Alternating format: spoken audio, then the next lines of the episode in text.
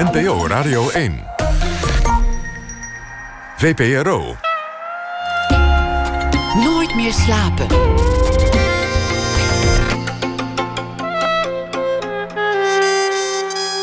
Met Pieter van der Wielen. Goedenacht en welkom bij Nooit meer slapen. Liliaan Brakema komt op bezoek. Zij is theatermaker. Ze komt naar aanleiding van de voorstelling Face to Face, geïnspireerd op een film van Bergman. De vraag die daarin wordt behandeld is of de hedendaagse mens nog durft afhankelijk te zijn en kwetsbaar. Maartje Wortel schrijft een verhaal bij de voorbije dag. Dat allemaal na ene. We beginnen komend uur met Robert Dijkgraaf. The Mind of the Universe heet een nieuwe tv-serie. Vanaf zondag te zien op televisie bij de VPRO. Zijn we alleen in dit universum? Wat is leven? Wat is de oorsprong van ruimte en tijd? Is er leven na te maken? Met de top van de wetenschap in Nederland en daarbuiten gaat Dijkgraaf op zoek naar de voorhoede van de huidige kennis. Robert Dijkgraaf, geboren in 1960, is natuurkundige. Hij is eh, directeur van het Institute for Advanced Study in Princeton in de Verenigde Staten. Een van de meest gerenommeerde instituten ter wereld. Tientallen Nobelprijswinnaars kwamen daar vandaan. Dijkgraaf is ook landelijk bekend als popularisator en ambassadeur van de wetenschap. Robert Dijkgraaf, hartelijk welkom. Stel dat je nu zou vertellen over, over jouw werk, over jouw vakgebied. Gewoon op, op een goed, degelijk niveau. Over vraagstukken waar jij mee bezig bent. Hoeveel mensen in de wereld zouden dat dan begrijpen? Ik denk een paar honderd op zijn hoogst, denk ik, ja. Van die 7 miljard aardbewoners? Ja, ja. Dus in percentages gevat nou, dan zit je op, op een, een duizendste promiel of zo. Ja, ja het, is, het is een heel klein, uh, klein aantal. En uh, het zou zelfs nog wel kleiner kunnen zijn, denk ik, als je nog meer in de details gaat. Um, en um, ja, dat, uh, dat geeft enerzijds natuurlijk het gevoel van een soort grote eenzaamheid. Wat ben je aan het doen? Het bijzondere is natuurlijk van als je wetenschapper bent, dan is jouw kennis en wat je doet, is niet alleen maar in het hier en nu. We praten over dingen die uh, misschien wel een bepaalde evigheidswaarde hebben. Dus je gaat de volgende generaties uh, erbij gaat betrekken, dan wordt natuurlijk steeds meer en meer en meer. Ja, en je ziet, denkt wel eens aan, bijvoorbeeld je doet een, uh, kijk naar een wiskundige formule en denk je, ja, wanneer is die het eerst bedacht? Ja, eh, weet ik wat, de stelling van Pythagoras. Uh, ieder kind kent dat. a kwadraat plus b kwadraat is c kwadraat. En ja, er is zo'n prachtige kleitablet, die is 4000 jaar oud. Daar staat die formule eigenlijk voor het eerst in gekerfd. Uit Babylonische tijd. Ja, toen moet er ook een handjevol mensen zijn geweest die dat begrepen. Dus als je in de voorhoede zit, dan, dan is dat eenzaam per definitie. Ja, ik denk dat het eenzaam is. Ja. Uh, je bent ook natuurlijk je staat echt aan de rand van de kennis. En als je daar overheen gaat, is er helemaal niemand.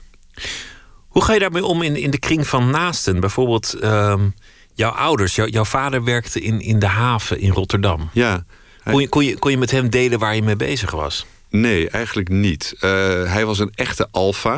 Hij was enorm geïnteresseerd in geschiedenis. Hij was wel gefascineerd door de beta-vakken. Hij kocht ook wel die boeken. Maar hij kon ze niet lezen. Dat wil zeggen, hij kon niet voorbij de inleiding gaan. Dus die boeken stonden er allemaal. En was eigenlijk zo'n frustratie dat uh, zo gauw de eerste formule verscheen... dat hij moest afhaken. Uh, maar ja, die boeken stonden er wel voor mij. Dus ik, ik weet nog wel dat ik op een gegeven moment ook ontdekte... dat je gewoon over die drempel heen kon gaan. En ja, dat is natuurlijk het, voorrecht als, je, als, als, het, als het je makkelijk uh, komt aanwaaien dat je kan doorgaan. Maar ja, dat. Uh, dus hij was ook heel erg bewust van wat hij niet wist. Het, het makkelijk komen aanwijzen, kan je, kun je dat vergelijken met, met muzikaliteit? Sommige mensen hebben dat, een muzikaal gehoor en anderen niet. Dat, dat jij een soort uh, gehoor of, of een soort brein hebt voor natuurkundige probleem, problemen, voor wiskundige problemen? Ja, ik denk het wel. Het, uh, je bent je namelijk niet bewust dat er een barrière is.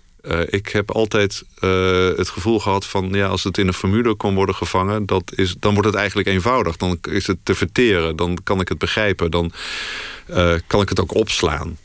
Het is een hele efficiënte manier om de wereld te leren kennen.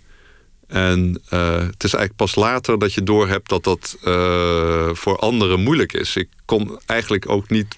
Soms ook kan ik niet begrijpen waarom andere mensen het niet kunnen begrijpen. Want het is, het is, het is zo simpel. Voor jou is het simpel? Ja, Ja, voor mij is het simpel. Ja, uh, maar dan zie je ook van ja dat je het uh, een soort natuurlijke taal is. Het grappige is natuurlijk, de meeste talen leer je met veel moeite. Maar eigenlijk alle wiskundigen die ik ken, die voelen van dat een taal is die, uh, die ze eigenlijk al, al konden spreken. Die je eigenlijk alleen maar een van bewust van moet worden. Maar je had al de mogelijkheid. Het is een soort al natuurlijk aanwezige taal. Betekende dat ook dat het aanvankelijk makkelijk voor je was, natuurkunde? Dat je, dat je niet heel hard hoefde te leren? Dat je oh, eigenlijk, je had lui kunnen worden? Ja, nee, maar ik, ik, ik, uh, zeker voor natuurkundigen. Ik heb als gegrapt zijn de luiste wetenschappers in de wereld. Want uh, ze proberen zoveel mogelijk te begrijpen met zo min mogelijk.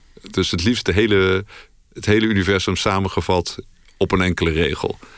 Um, en ik ik ben denk ik ook wel natuurkunde gaan studeren... omdat het gewoon het makkelijkste vak was. Voor jou, je hoeft niet zo hard te werken. Je hoeft niet, niet heel hard te leren. En daardoor had ik er ook veel plezier in. Uh, want dat betekent ook dat je vrij snel het begrijpt. En dan kan je ermee gaan spelen. Dan kan je er, kan je er wat mee gaan doen. Um, ik, ik, had een hele sterke gedachte toen ik ging studeren. Zei, oh, dat is heerlijk. Ik hoef nog alleen maar toetjes te eten. Je hoeft verplichte bord spinazie en alles hoeft allemaal niet meer. Uh, gewoon de dingen die je lekker vindt en die je leuk vindt. Is er dan een moment geweest dat je, dat je aan het werk bent gezet? Dat iemand zei van oké Robert, uh, het gaat je makkelijk af en, en, en, je redt het allemaal wel op je sloffen. Maar nu, maar nu ga ik je uitdagen dat je zelfs met jouw talent heel hard moet werken. Ja, natuurlijk. Ik denk op het moment dat je echt zelf onderzoek gaat doen. En het er niet meer om gaat van of je iets wel of niet begrijpt maar of je iets begrijpt wat anderen nog niet begrepen hebben. En dat betekent ook uh, dat je geconfronteerd wordt met dingen waar de rest uh, van je collega's uh, ja, nog geen oplossing voor hebben gevonden, waar ze misschien afgehaakt zijn. Iets dat nog niet bestaat. Wat nog niet bestaat. En dan ben je ook al heel snel bewust dat dat soms gewoon is, omdat het gewoon echt enorm moeilijk is, heel erg complex. En dat dat, eh, ja, het, wordt wel eens gegrapt. Ja, wiskundigen die denken gewoon heel lang over iets na en zeggen dan achteraf: Oh, het is triviaal. Het is eigenlijk heel simpel. Ja, het is simpel als je het ziet, maar het is soms ook een enorme lange inspanning. En soms komt die, dat, dat, die, die klik, dat, dat moment van begrip komt pas heel erg laat. Je moet je soms eerst door een enorme brei heen worstelen. En sommige berekeningen zijn ook heel erg ingewikkeld. Uh, ik kan het dan gewoon ook niet eenvoudiger maken. dat blijft trouwens wel altijd knagen. Ik denk dat er bij iedere natuurkundige zoiets zit van ja, uiteindelijk is die wereld, die natuur is elegant en simpel. Wij maken het zo ingewikkeld. We hebben zo'n beperkt begrip. We kijken er eigenlijk op de totaal verkeerde manier naar. En daarom, daarom moet ik zo moeilijk doen. Het moet ook makkelijk kunnen. Als je het in woorden zou doen, ik ben een alfa, zoals zoveel, dan, dan, dan, zou je waarschijnlijk een hele boekenkast vol moeten hebben om uit te leggen waar, ik noem maar wat, E is mc kwadraat eigenlijk over gaat. Ja, het, uh, en die woorden zijn altijd onvolledig. Uh, en het, het is alsof je een beetje met uh, ja, wazige figuren werkt. Terwijl natuurlijk formules, dat zijn een soort harde Lego-steentjes die op een gegeven moment ook in elkaar klikken. Het is ook dat klikmoment, op het moment dat die formule zegt van dat is gelijkteken bijvoorbeeld. Dat is heel precies. Dat zegt dat bij ESMC-kwadraat zoveel energie komt vrij als je zoveel massa hebt. Of omgekeerd. Uh, en het is die precisie die het ook zo krachtig maakt. En ons taalgebruik is natuurlijk ja, is, is gewoon niet zo precies. Daarvoor is het ook zo nuttig. Want er zijn maar heel weinig dingen die we heel precies willen formuleren. We willen soms ook wat ruimte toelaten uh, in hoe we dingen beschrijven. Maar uh, die, dat, de soort helderheid die met een wiskundige formule komt... die is nou, eigenlijk in gewone mensentaal niet te vatten. Je vader die werkte voor de Holland-Amerika-lijn. Uh, ja je, je vader die was geïnteresseerd in de wereld, maar, maar de natuurkunde dat ging hem eigenlijk te ver. Dat, dat, dat lukte niet. Maar de boeken die stonden er wel. Wat, wat was het verder voor gezin waarin je opgroeide? Uh, een klein gezin. Ik was enig kind. Uh, heel erg, denk ik, uh, typisch ja, opgroeiend in een, in buitenwijk van Rotterdam. In een woonde in een, een, eenvoudige woning. in een klein dorpsschooltje eigenlijk. in een soort groeiwijk. de Phoenixwijken bestonden toen nog niet, maar dat was het wel. Um, ik had ook eigenlijk, mijn jeugd was een hele eenvoudige jeugd. Uh, ik, ik heb er goede herinnering aan, omdat ik heel erg een kind was wat in een soort fantasiewereld leefde. Ik bouwde mijn eigen wereld. Uh, een wereld die bestond uit. Achteraf gezien, ja, eigenlijk wetenschap en kunst, verbeelding school was voor mij een soort bijgerecht, wat je er even bij deed. Maar de hoofdtaak was om eigenlijk alles wat er in de wereld was, om dat mijn eigen te maken. En daar, dat deed ik, of het nu muziek was, of, of, of boeken, of tekeningen, of theater, of apparaten. ik had een boezemvriend en wij we hadden gewoon iedere dag bijna een ander onderwerp. Ik werd ook knettergek van mezelf soms. Want het, of van elkaar werden we ook knettergek. Want het was altijd weer iets nieuws. Ehm, maar het was eigenlijk mijn soort... Uh, ik had het gevoel dat de wereld een groot laboratorium was... waar je eigenlijk alles kon uitproberen. En het grote voorrecht was om met rust gelaten te worden. Door school en door je ouders. En ik denk dat ik, ik had heel veel vrijheid. En, uh, en ja, dat, dat, dat was misschien wat grootste geschenk. Vrijheid om je, om je fantasie te gebruiken. Vrijheid om die wereld te exploreren. Om alles, alles uit te zoeken. Er was niemand die zei, nu moet je je huiswerk doen of, of nu moet je naar de sportvereniging of wat dan ook? Nee, ik, ik, eh, ik, ik, eh, alle clubs waar ik lid van was, waren clubs die we zelf hadden opgericht. En, uh, en, en de school die, die liet me heel erg vrij. Ik vond het wel grappig. Ik dacht altijd van ja, dit is een totaal generiek schooltje tot we een keer een reunie hadden. En toen bleek ineens dat ten eerste waren al die leraren nog steeds aan het werk. Ook al was het 40 jaar naar, uh, naar ons afzien. Dat was daar allemaal hele jonge leraren, bleek, die allemaal begin 20 waren. En die ook een hele duidelijke onderwijsfilosofie hadden. Namelijk precies de kinderen met rust laten. Uh, de kinderen uh, confronteren of meenemen eigenlijk in het leven. Achteraf dacht ik ook, ja, we gingen ook vaak op bezoek. We gingen op bezoek bij winkels, naar de lokale scheepswerf. Uh, er zat dus een hele onderwijsfilosofie achter. En, uh, maar dat werd op een hele vanzelfsprekende, uh, bijna subtiele manier gebracht. dus ik heb nooit ervaren dat er enige sturing was. En ik moet zeggen, heb me ook echt uh, ja, heel veel plezier aan gehad. Is het ooit anders geweest? Ben je niet in essentie nog steeds als dat jongetje dat in, in vrijheid knutselt aan een beeld van de wereld? Nou, ik denk het niet. Kijk, je leven heeft verschillende fases. Ik weet wel, toen ik op de middelbare school kwam, dat was een, uh, een hele, hele strenge en, en, en intensieve school. Waar ik ook uh, helemaal de diepte in ging. toen werd ik ook geconfronteerd van, met de intellectuele uitdaging. En mijn taak was ook om voor ieder proefwerk eh, een tien te halen... wat me ook zo'n beetje bijna, bijna altijd lukte. Uh, dat was niet een tijd van verbeelding. Dat was meer een tijd van je, je, je geest scherp slijpen. Uh, ook in mijn onderzoek heb ik denk periodes gehad... waar ik me heel erg vrij voelde. En periodes waarin je nou, ook wat meer gestrest was... of voelde van, ja, wat, wat moet ik nu? Um, en dus... maar ik heb altijd toch wel uh, op een of andere gekke manier mijn kindertijd voor ogen als een, uh, als een soort. Uh, de ik had toen volgens mij de ideale baan. Kind zijn en, en de wereld In je eigen land, ja. ja.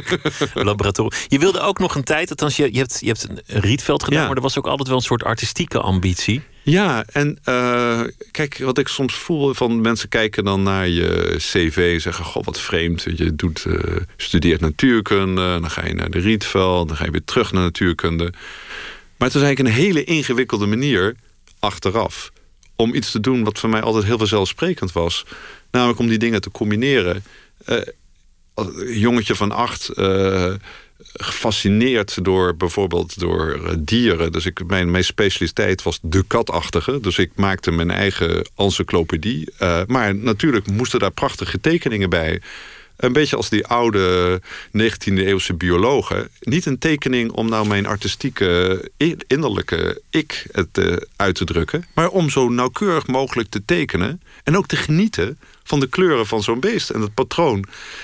En toen ik 17 was en voor het eerst kwantummechanica leerde. Ik weet wel dat ik met heel veel liefde die atoombanen uh, zat te schetsen.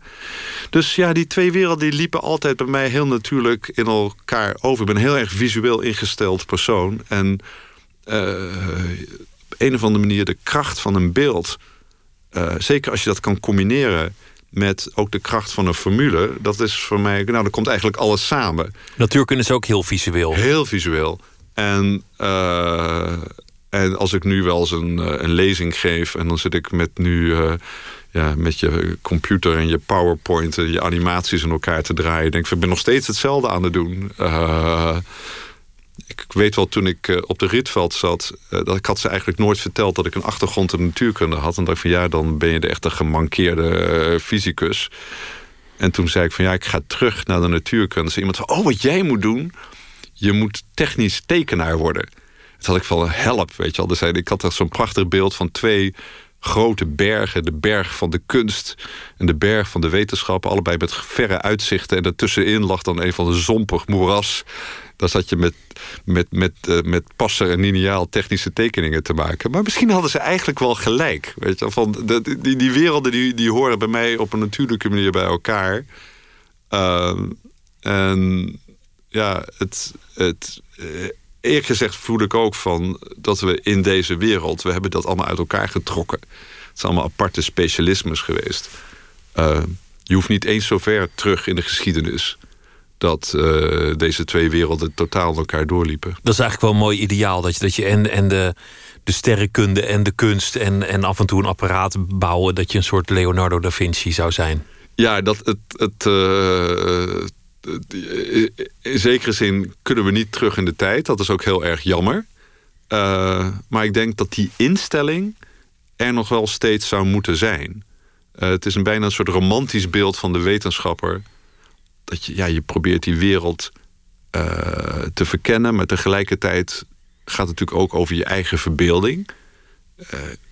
ik voel van ja, als wetenschapper ben je ook continu aan het voorstellen hoe die hoe die wereld eruit zou kunnen zien. Want als je, niet zo'n, als je het niet een, een, beeld projecteert, dan weet je ook niet waar je naar je op zoek bent.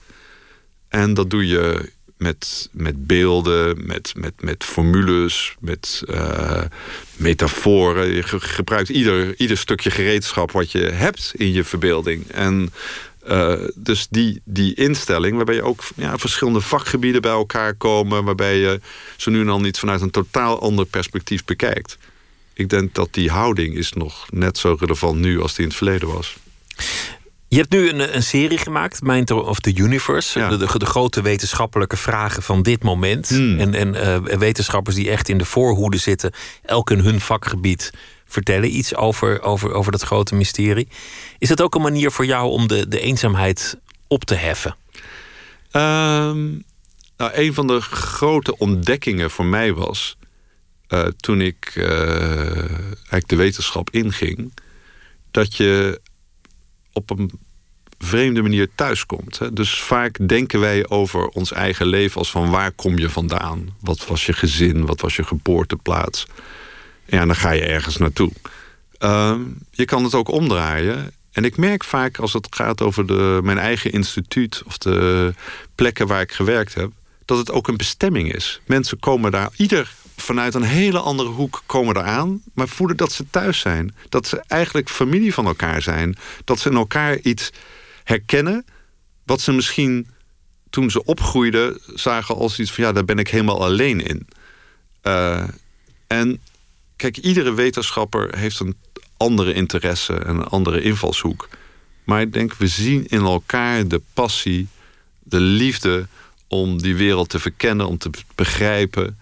En voor mij is ook uiteindelijk toen ik mijn carrière in de wetenschap uh, ja, uh, begon te krijgen, was het ook een soort gekke blik van herkenning.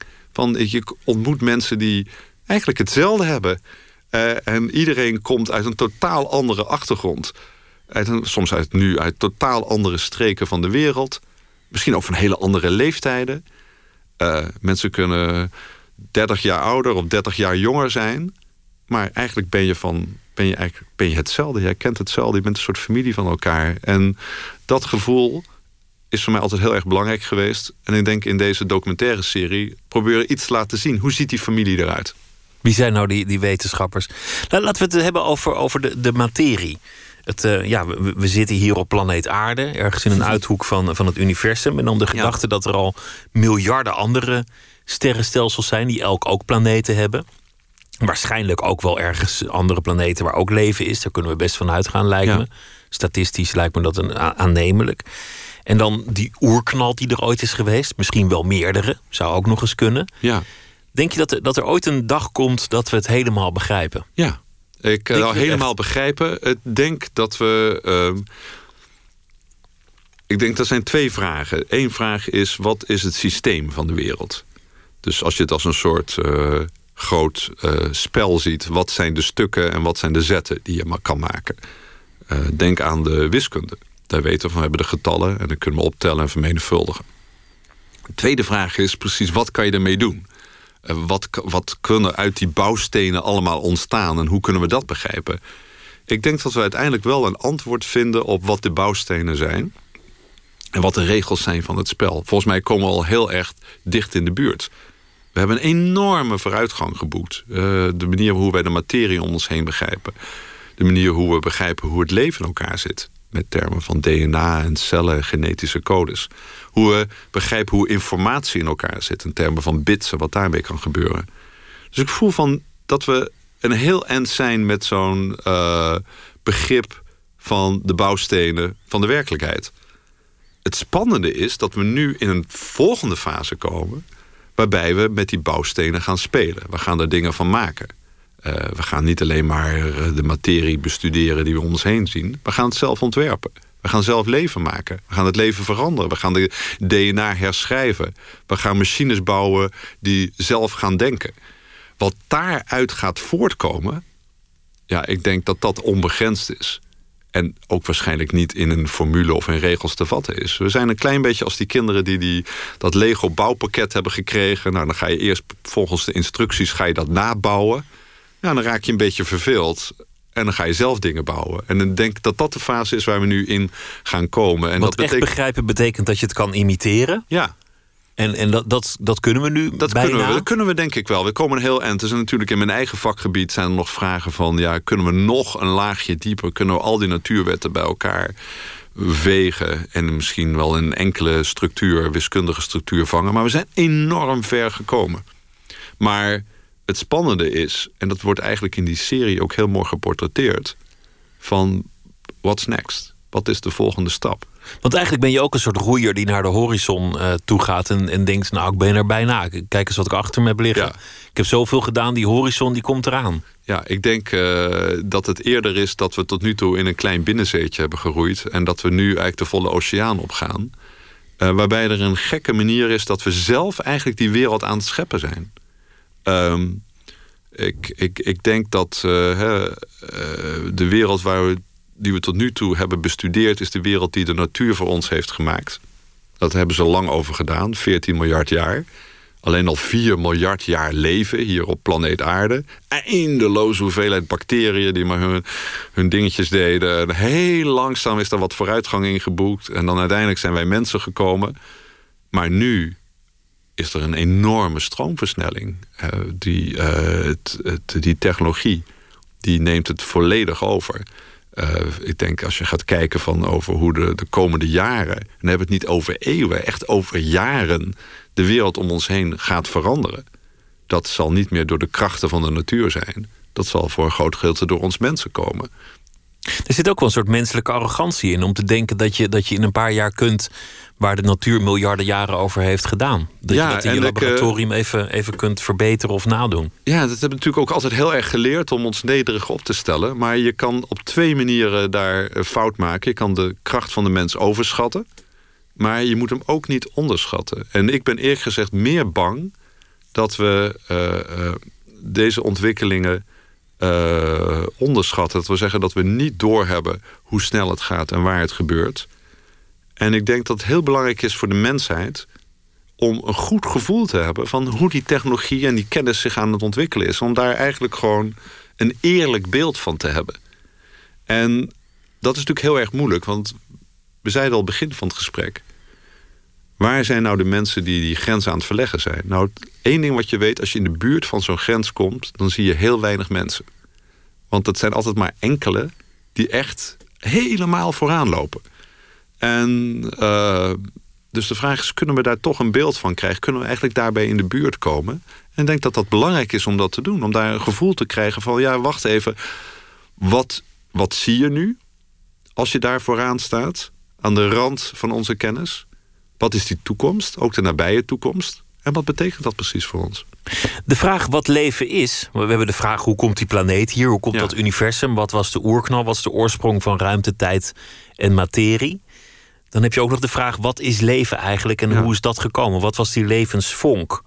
Ja, dat is natuurlijk het, misschien wel de grootste vraag die we hier op planeet Aarde ons kunnen stellen. Want als we weten hoe leven ontstaan is, en dat weten we nog niet. We weten niet eens of het heel vaak ontstaan is. Of er misschien heel veel verschillende pogingen zijn geweest.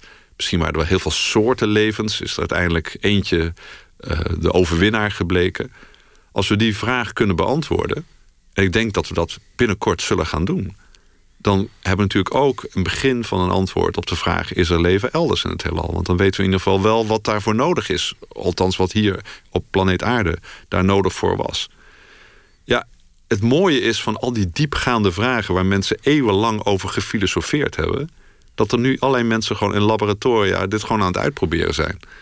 En uh, dat is weer misschien die arrogantie. Uh, van ja, ik ga, gewoon, ik ga gewoon uitzoeken hoe het werkt. En wederom de technologie, het feit dat je dat nu kan automatiseren, dat je dat misschien ook niet eens meer met echte moleculen hoeft te doen, maar dat je binnenkort gewoon een computer kan, dat kan laten uitproberen. Dat je uh, uh, zelfs het denken kan gaan uitbesteden. Uh, zeker het gespecialiseerd denken die, al die stroomversnellingen gebeuren. En we zitten ook een keer, niet alleen bij al die stroomversnellingen... maar bijvoorbeeld die rivieren van kennis... die komen ook nog eens een keer bij elkaar. Hè? De, de wereld van uh, computers of de wereld van de biologen... of de wereld van de, de nanotechnologen die die apparatuur bouwen... op de allerkleinste schaal. Dat gaat allemaal nu door elkaar heen kolken. En dat gebeurt nu. Ik denk dat het ook ontzettend belangrijk is dat we realiseren van niet alleen dat er die grote vragen zijn, dat mensen op zoek zijn naar die antwoorden, maar dat er antwoorden gevonden worden en nu in de tijd dat wij leven. Ik stel me altijd de vraag: over een paar honderd jaar zullen mensen terugkijken naar het jaar 2017. En die zullen daar een idee over hebben. Wat was nou eigenlijk spannend? Nou, er zijn heel veel dingen die hier gebeuren. Maar in de wetenschap zijn natuurlijk ook dingen die gebeuren. En wat zal men zeggen? Zal men zeggen van, oh, dat was het moment dat we over die brug gingen. Dit was het moment waarbij die knop omging waar die ontwikkeling is begonnen. Zoals de oude Grieken ook niet wisten wie Pythagoras was. Absoluut niet. Nee. En, en, en sterker nog, uh, de, de, de, eerste persoon die die formule vond, ja, die, die was helemaal alleen. En die, die heeft dat misschien op een scherfje gekerfd en dacht van, nou ja, het is ook een. Ja, ik heb dit inzicht, maar ik kan er voor rest niks mee. En de, je probeerde dat te vertellen aan je buren en hadden geen idee waar het over ging. Uh, dus, die sloeg je nog net niet op je bek. Ja, en achteraf zeggen we, oh, dat was het begin van de gouden periode van de wiskunde. Maar stel je voor dat, het, dat, het, dat het, die onttovering doorgaat en dat leven niet meer iets, iets enorm zeldzaams is, maar dat, hmm. je het, dat je zoals je een sopje maakt in een, in een teltje, gewoon kunt fabriceren. Dat je de, de, formule hebt en dan dat je in een laboratorium nieuw leven maakt, nieuwe levensvormen. Ik denk dat dat ook trouwens niet eens het echte spannende is. Want het is nogmaals, als wij hebben ontdekt dat we met die uh, Lego-bouwsteentjes die bouwplaat kunnen nabouwen. Ja, dat is gewoon maar één bouwplaat. Dus we kunnen nog heel veel meer doen. En dat is natuurlijk het spannende. Uh, dus ik denk dat we hier continu het risico hebben dat we onderschatten wat die doorbraken kunnen betekenen. Dus dat is het soort eerste orde effect. Dat is de eerste stap. Maar wat is de tweede stap? Wat is de derde stap? En wij denken van we bouwen een computer die uh, de schaakkampioen kan verslaan. Of nu sinds kort de Go-kampioen. Ja, je denkt van, ja, ik heb nooit Go gespeeld. Wat betekent dat voor mij? Nee, maar dat betekent natuurlijk niet... Het gaat niet om dat spel. Het gaat erom dat je een bepaald niveau van intelligentie, intelligent denken hebben bereikt. En dan kan er ook nog heel veel meer. Dus ik voel steeds met dit soort vragen, als we het, vraag, als we het antwoord op die vraag hebben gevonden, hoe is leven ontstaan, dan hebben we waarschijnlijk een technologie ontwikkeld die ook nog heel veel andere vragen kan beantwoorden, vragen die we ons nu helemaal niet stellen. Het is vaak ook het terrein van, van de fictie. Ja. Die, die loopt vaak voor, de Voorop, wetenschap ja, uit. ja. Eh, eh, Frankenstein is zo'n verhaal uit de 19e eeuw. En vaak komen fictieschrijvers dan in, in een angstig, Scenario. angstig scenario terecht. Nou, ik denk ook van dat je heel erg moet oppassen om eh, wetenschap en technologie alleen maar vanuit een soort positief eh, daglicht eh, te beschouwen. Eh, ja, ik ben deeltjesfysicus, dus kernenergie is ook kernwapen. En als de wereld ooit eh, dicht bij totale zelfvernietiging is gekomen, is het dankzij die wapens. En ik denk dat nu microbiologen soms hetzelfde gevoel hebben. Misschien ontwikkelen ze een vreselijk virus wat ontsnapt. En, dat was dan het einde van leven op aarde. Althans voor ons mensen. Dus er zit altijd die schaduwkant.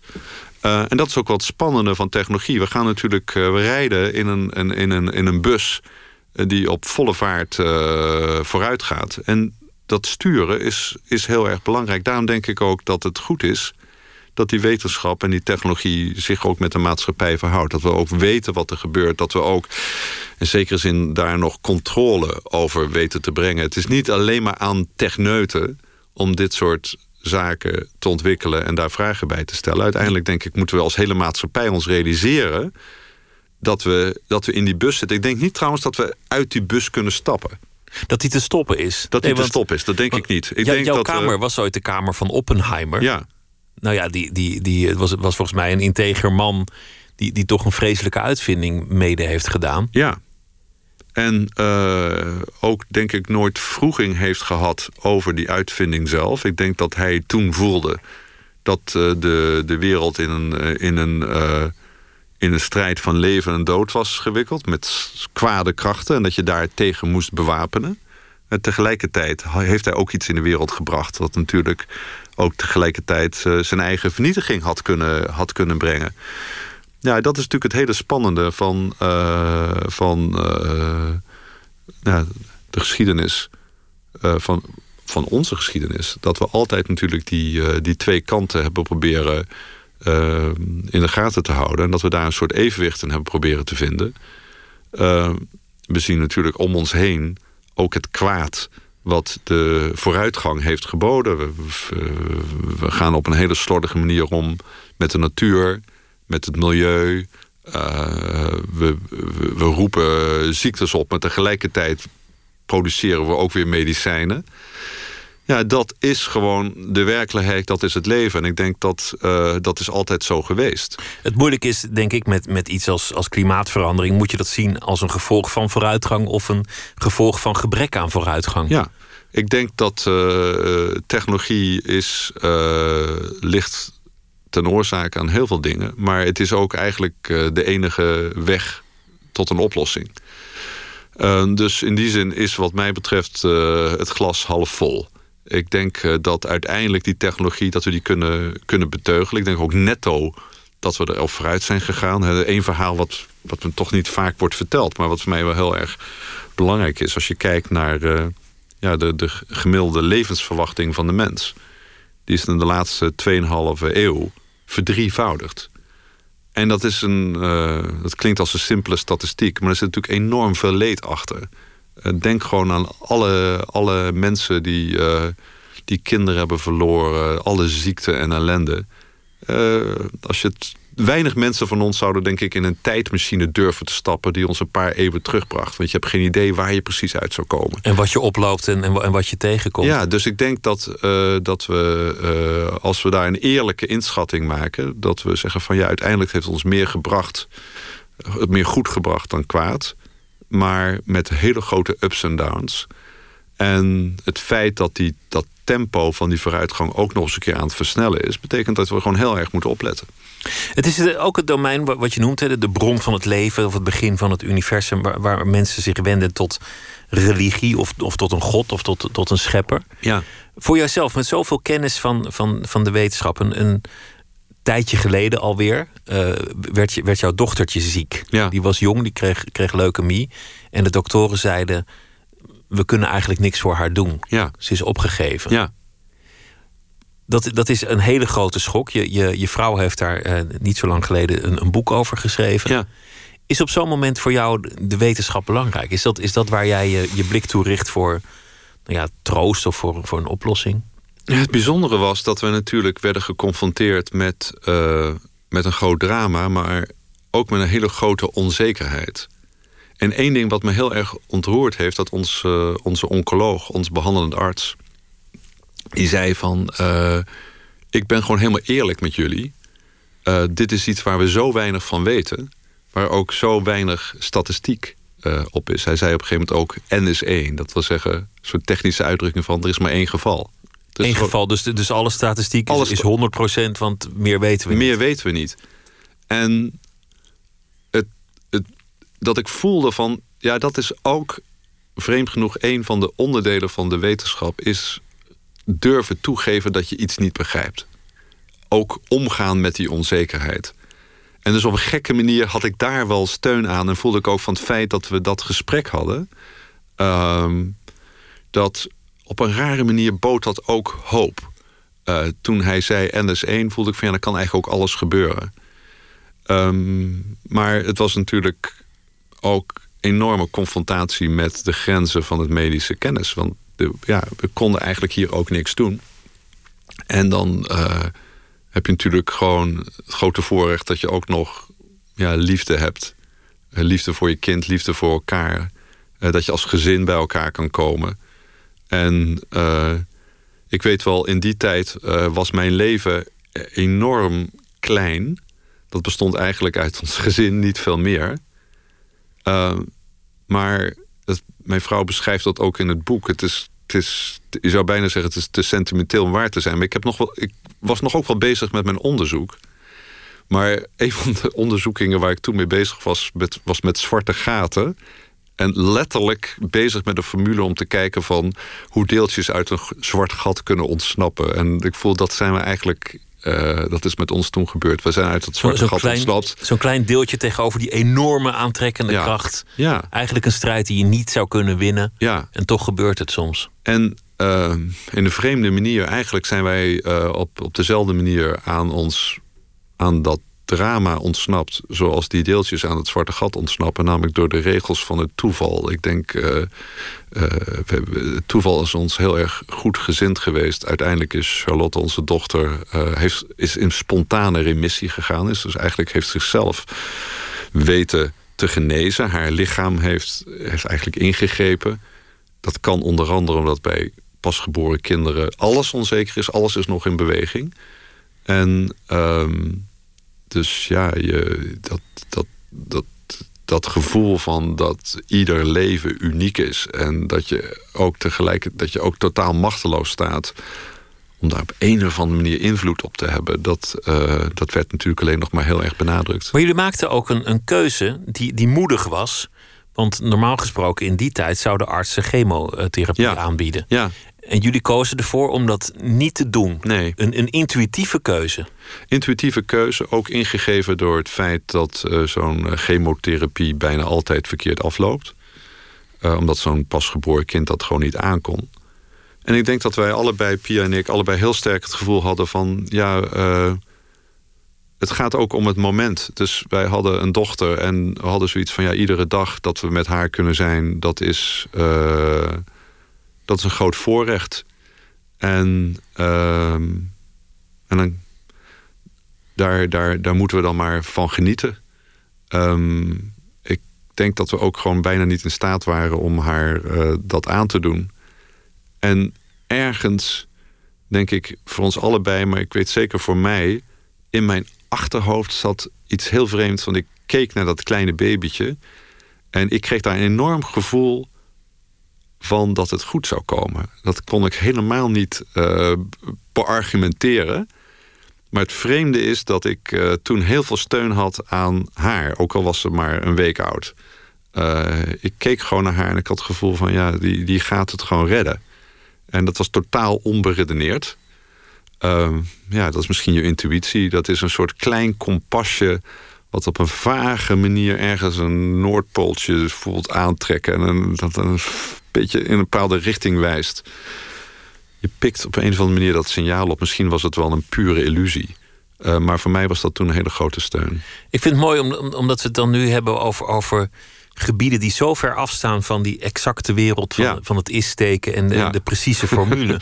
ja, precies. Ja. We, zijn, we zijn nu in, in een gebied van, van, van gevoel, intuïtie, Ja. sentiment en, en ook een soort verwondering dat het universum misschien wel helemaal niet klopt. Ja.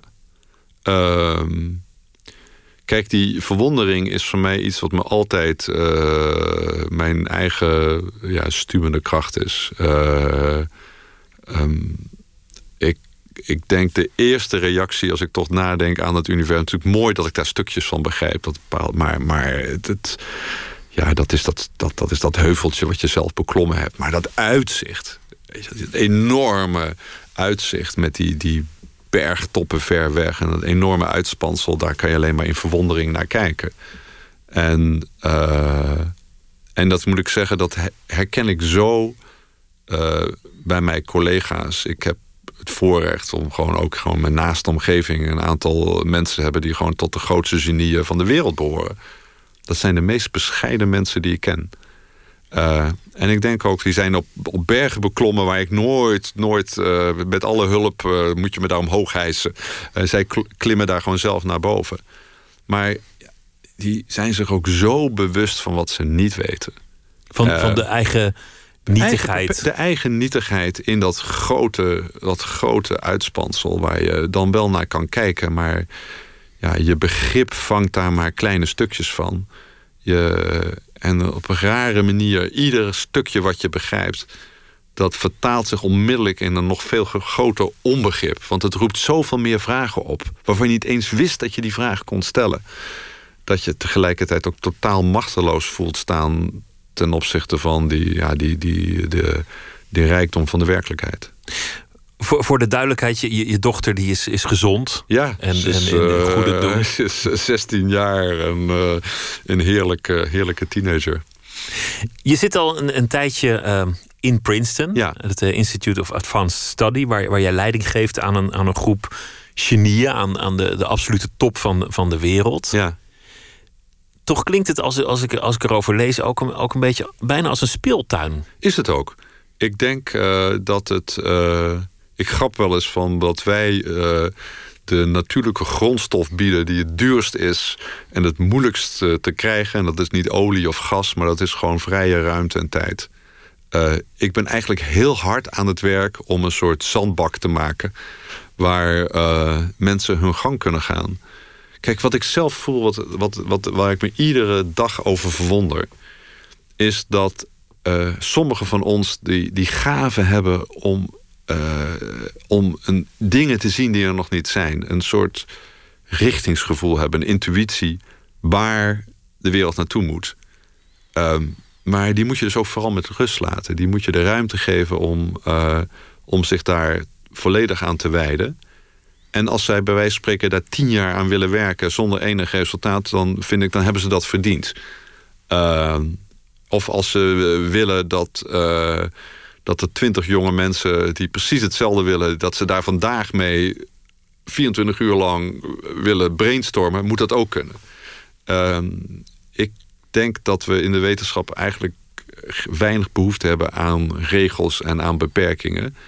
En mijn eigen instituut probeert een soort, ja, soort vluchtheuvel te zijn eh, voor mensen die, eh, ja, die, die dat of verdienen of die dat kunnen, die die druk aan kunnen om hun eigen wereld vorm te geven. En het is ook een klein. eh, ja, een kleine soort eh, vitaminepil voor de wetenschap, een bruistablet.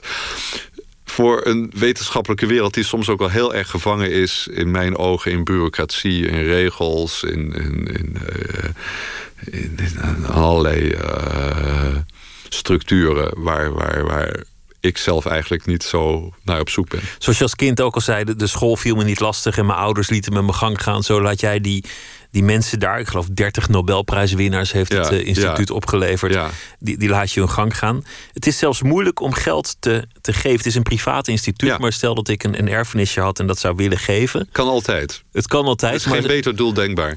zolang ik maar geen, geen vragen stel, zolang ik maar Nee. geen eisen of, of Nee. wat dan ook, dan, dan kan ik mijn geld lekker in mijn zak houden. Nee, want ik, eh, als mensen bij ons komen... en eh, dat zijn... we hebben onze vaste hoogleraren... maar we hebben nog veel belangrijker... ieder jaar komen er 200 eh, jonge mensen eigenlijk... eh, gastonderzoekers die daar van 1 tot 5 jaar zijn... die tot de grootste talenten in de wereld behoren...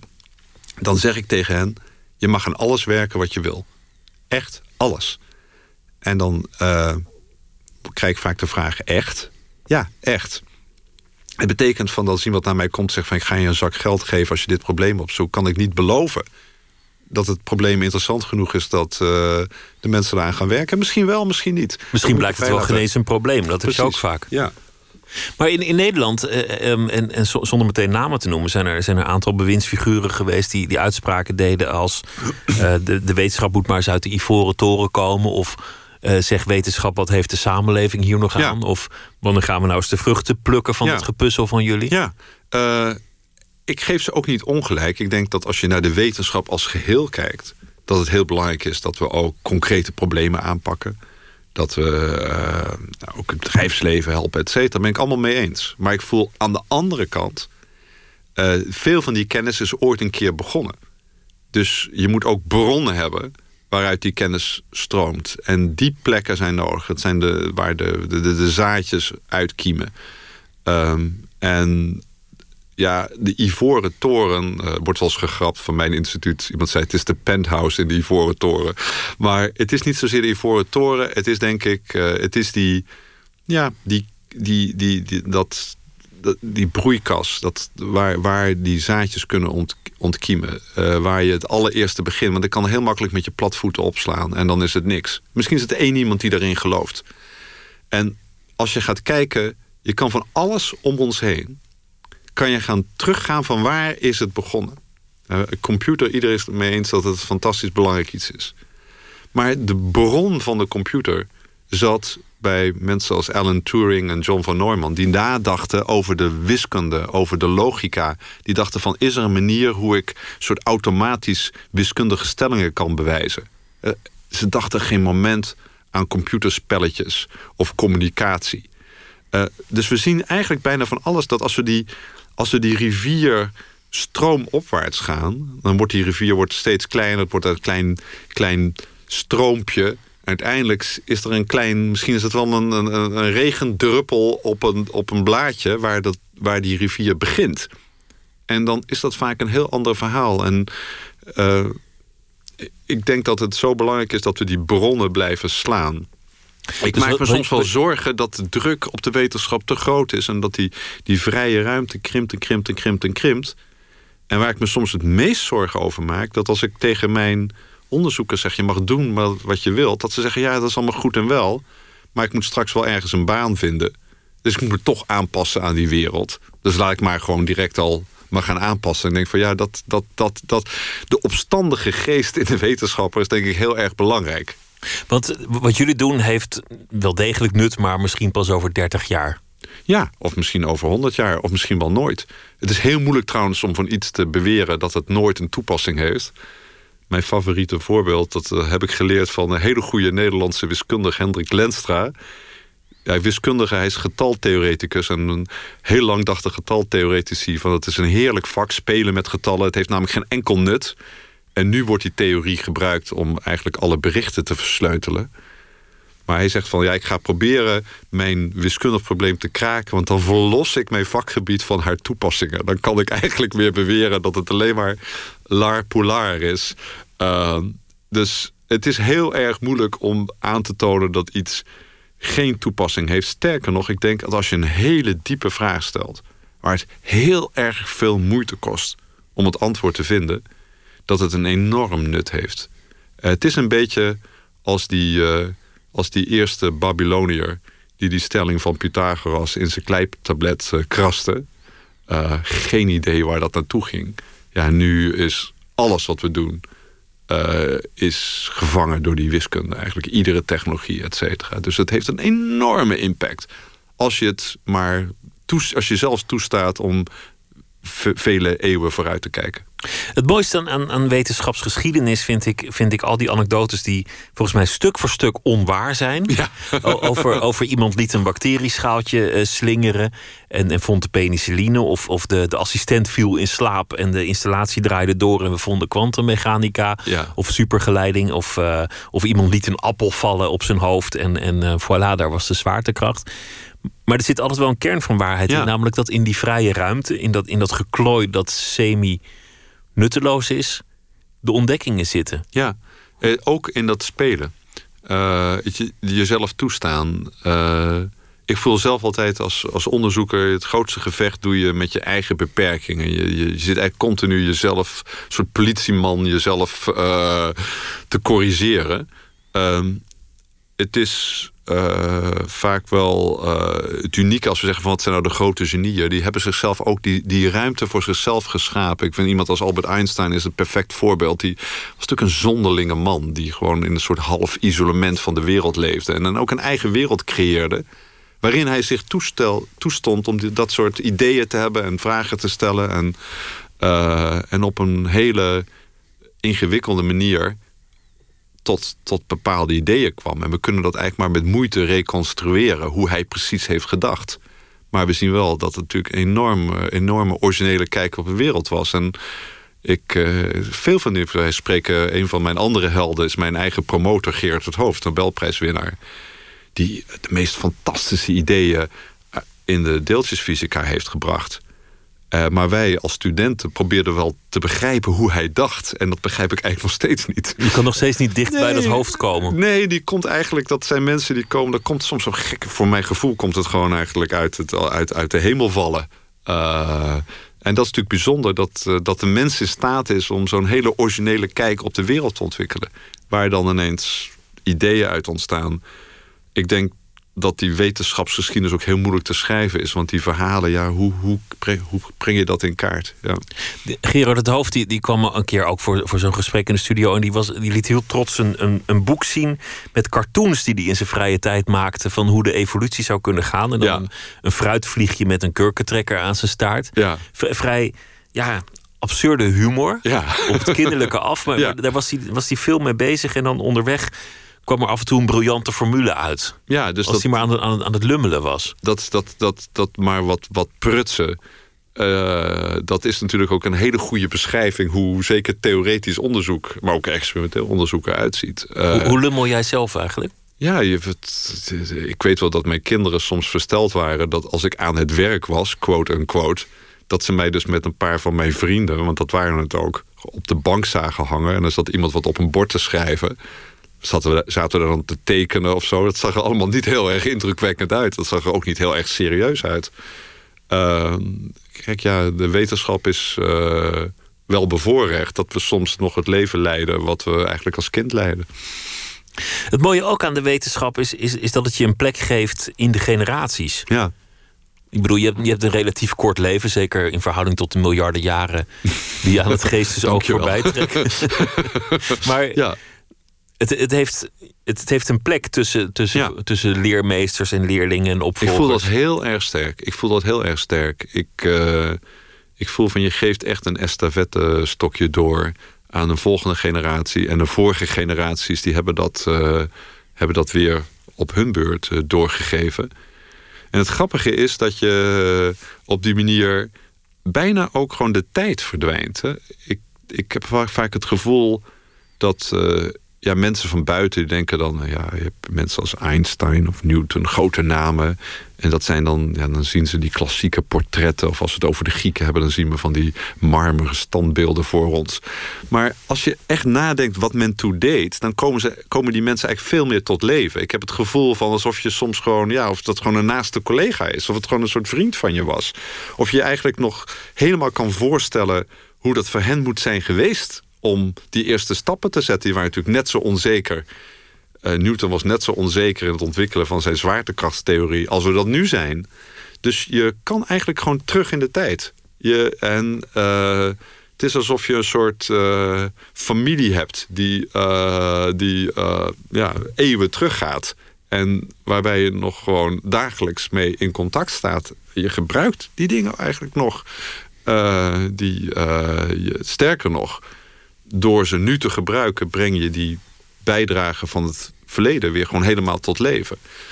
En dat is wel heel erg bijzonder. Ik denk dat uh, kunstenaars of muzici dat ook moeten hebben. Dat ze eigenlijk uh, ja, die dingen weer, weer tot leven weten te roepen.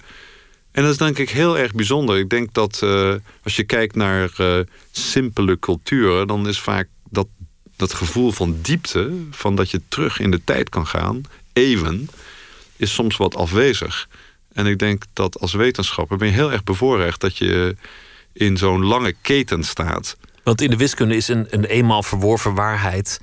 Die, die is eeuwig houdbaar. Ja, die stelling van Pythagoras die is gewoon helemaal. Eh, die zit echt bijna in ons drinkwater. Iedereen kent die. Um, en er was een keer een moment, dat was heel ontroerend. Dat, uh, er is een grote prijs in de wiskunde, dat heet de Fields medaille. Die wordt maar eens in de vier jaar uitgereikt. En je krijgt alleen maar als je onder de 40 bent. En toen was er Andrew Wiles, die bewees de laatste stelling van Fermat. Dat was een wiskundige stelling. Mensen eeuwenlang hadden geprobeerd. En hem was het gelukt. En hij was 41 op dat moment. Dus hij kreeg die prijs niet. En toen zeiden ze van, nou het niet jammer dat je die prijs niet hebt gewonnen. En toen zei hij zo heel droog, nee, maar mijn resultaat is voor de eeuwigheid. En uh, ja, kunnen, heel veel mensen kunnen dat beweren. Je kan als politicus dat zeggen. Of ik denk, ja, ja, Die, die, die eeuwigheid is ver weg. Maar ik denk dat het heel moeilijk is voor onze beschaving om te vergeten dat we de stelling van, van Fermat hebben bewezen. En dat, dat misschien het wel het dichtst bij de eeuwige waarde is die je kan komen. Omdat je hebt laten zien dat iets waar is. En hoe gaan we dat ooit weer kwijtraken? Misschien dat mensen ooit het jaar 2017 bij geschiedenisles uit hun hoofd moeten leren. Of, of misschien hoeft dat dan niet meer omdat je het gewoon ergens anders kunt opslaan. Ja. En dat het dan over iets heel anders bleek te zijn gegaan dan wij nu kunnen vermoeden. Ik denk het wel. Dat is denk ik de, de makkelijkste voorspelling om te maken. Dat het ergens in een hoekje uh, gebeurt. Dat ergens in een hoekje van die zandbak iemand iets, een taartje zit te bakken, iets zit te doen. Wat, uh, wat we helemaal niet doorhebben. Uh, ik denk trouwens wel dat er, uh, gewoon per definitie dat dit een hele spannende tijd is. En uh, het is soms ook heel moeilijk om een gevoel te hebben van het hier en nu. Wat definieert je tijd? Wij zeggen nu van, oh, een beetje honderd jaar geleden is er dat gebeurd. Maar als je de kranten opslaat van honderd jaar geleden... staat dat niet met dikke letters op de voorpagina. Uh, ik vond wel het mooiste voorbeeld van mij is altijd het moment dat de eerste elektrische gloeilamp aanging. Dan kan je zeggen van ja, het was het begin van de eeuw of de eeuwen van de elektriciteit. En dat was bene door Edison hemzelf in het redactielokaal van de New York Times.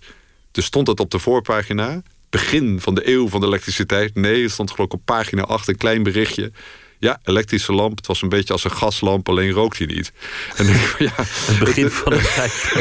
we hebben dat gewoon niet door. Uh, dat, er, klinkt geen uh, klaroen geschal als je die ontdekking doet. Uh, misschien moet je dat pas met na eeuwen later dat je ziet van ja, maar wacht even. Dat was het begin daar was die eerste regendruppel die die grote rivier maakt waar we nu uh, in, in, in, in, rondzwemmen. Allemaal te zien in uh, de tv-serie uh, Mind of the Universe. Robert Dijkgraaf, dank je wel. Het was leuk om je te gast te hebben. Dank Heel veel genoegen. Dank je wel. 1 uur, Kirsten Klomp met het NOS-journaal.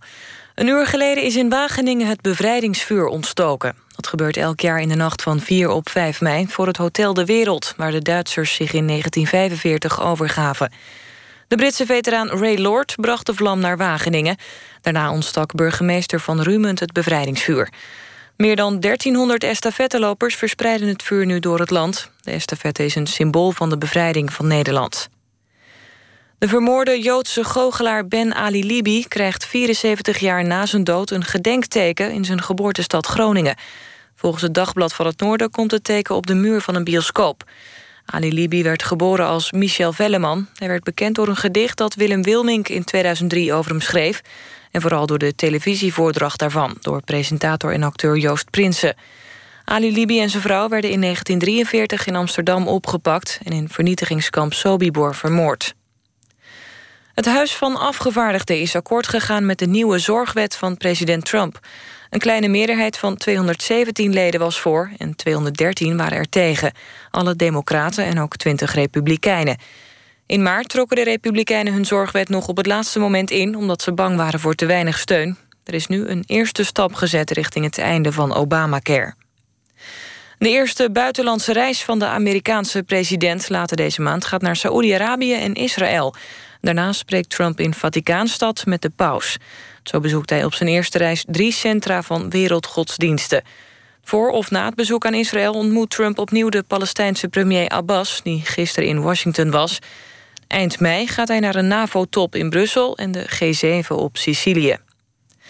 Het weer vrijwel overal droog, alleen in het noorden soms nog wat regen. Het koelt af naar een graad of 7.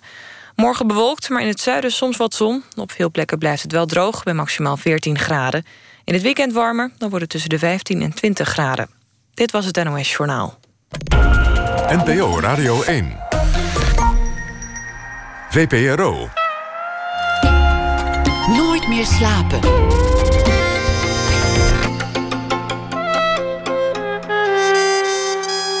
Met Pieter van der Wielen. Face to Face was ooit een eh, film van Ingmar Bergman uit de jaren 70 over een psychiater die zelf in de problemen komt. Regisseur Liliane Brakema maakte daar een toneelstuk van en ze is hier zometeen te gast. Maartje Wortel schrijft een verhaal bij de dag die achter ons ligt en zal zo meteen voordragen. Maar nu eerst het cultureel nieuws van heden. Er wordt uh, meer gesopen in de populaire film dan voorheen. Filmpersonages houden wel van een drankje, dat was altijd al zo. Maar het alcoholgebruik in populaire films is zo'n beetje verdubbeld. Blijkt uit Amerikaans onderzoek. 85% van de films die geschikt worden bevonden voor kinderen, daarin wordt ook gedronken. Deze maand verschijnt het voor het eerst in de Engelse vertaling. De gedichten van 31 Chinese fabrieksarbeiders. Ze zijn een verzet tegen de eindeloze werkweken van uh, 12-urige dagen lang rechtop staan aan de lopende band. Voorheen konden ze die teksten alleen kwijt op het internet of in hun eigen gestenselde krantjes. Maar nu is er een uh, boek van verschenen. De titel is IJzeren Maan, ontleend aan een van die gedichten van een uh, beroemde dichter, Chu Li Su, die in een fabriek werkte voor computeronderdelen en in 2014 zijn eigen leven beëindigde. Het gaat goed met eh, de boekensector in Nederland. De crisis lijkt ook daar achter de rug. Na jaren van dalende omzet en een stabilisatie van de omzet, zegt nu de grootste boekendistributeur van Nederland, het Centraal Boekhuis, dat de omzet over 2016 is gestegen. Het was wel vooral te danken aan een paar bestsellers: de biografie van Johan Cruijff, de laatste Harry Potter en Judas van Astrid Holleder. Er moet meer diversiteit komen in de toneelwereld, vinden negen toneelgezelschappen en dertien theaters. En dus hebben ze gezamenlijk één vacature geplaatst. Ze zijn op zoek naar een cultuurcurator diversiteit. Die uh, moet gaan zorgen voor meer kleur in de instellingen en op de podia en in de zaal. Dianne Zuidema is directeur van de stad Schouwburg in Amsterdam. Goedenacht. Goedenacht. Er is een uh, vacature, cultuurcurator diversiteit. Wat, uh, wat wordt het voor baan? Klopt. Uh, dit is een opdracht. Uh, we zijn op zoek naar iemand die uh, voor de verschillende instellingen in de podiumkunstensector ons wil helpen onze ambities op het gebied van culturele diversiteit te realiseren. Wat is het probleem? Waar lopen jullie zelf tegenaan wanneer het gaat om diversiteit?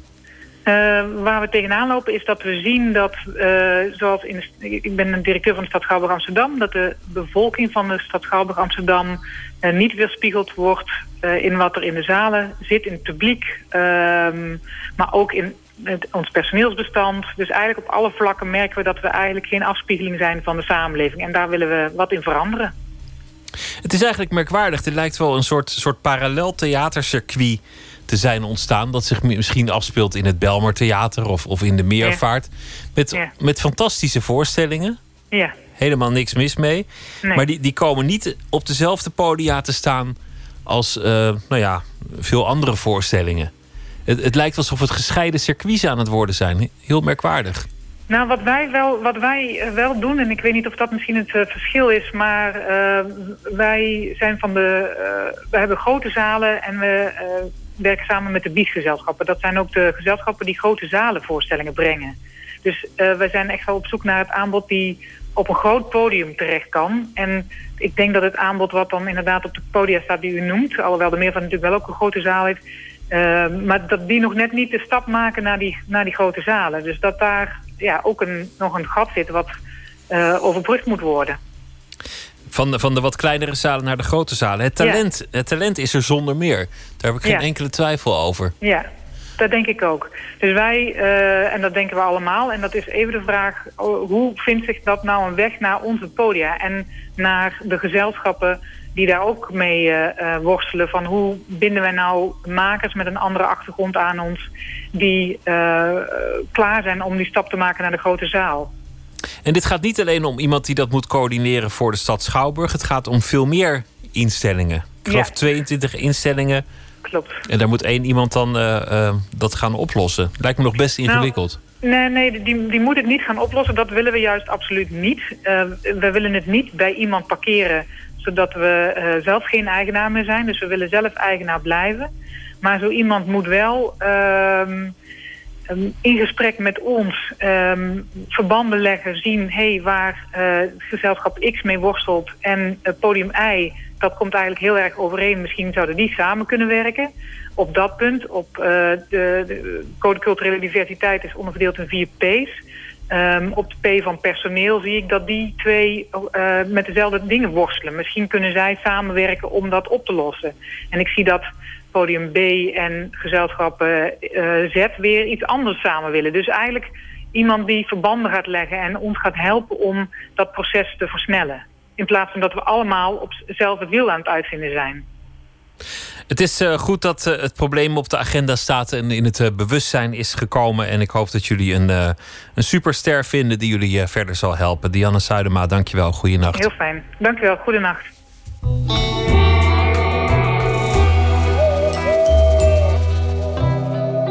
Maandag is het zover, dan wordt de Libris Literatuurprijs uitgereikt. De winnaar zal aanschuiven in dit programma. In de aanloop daar naartoe laten we elke nacht een schrijver het opnemen voor een van de genomineerde boeken. Vannacht is uh, schrijver en dichter Erik-Jan Harmens de ambassadeur voor het boek Moedervlekken van Arnon Gunberg.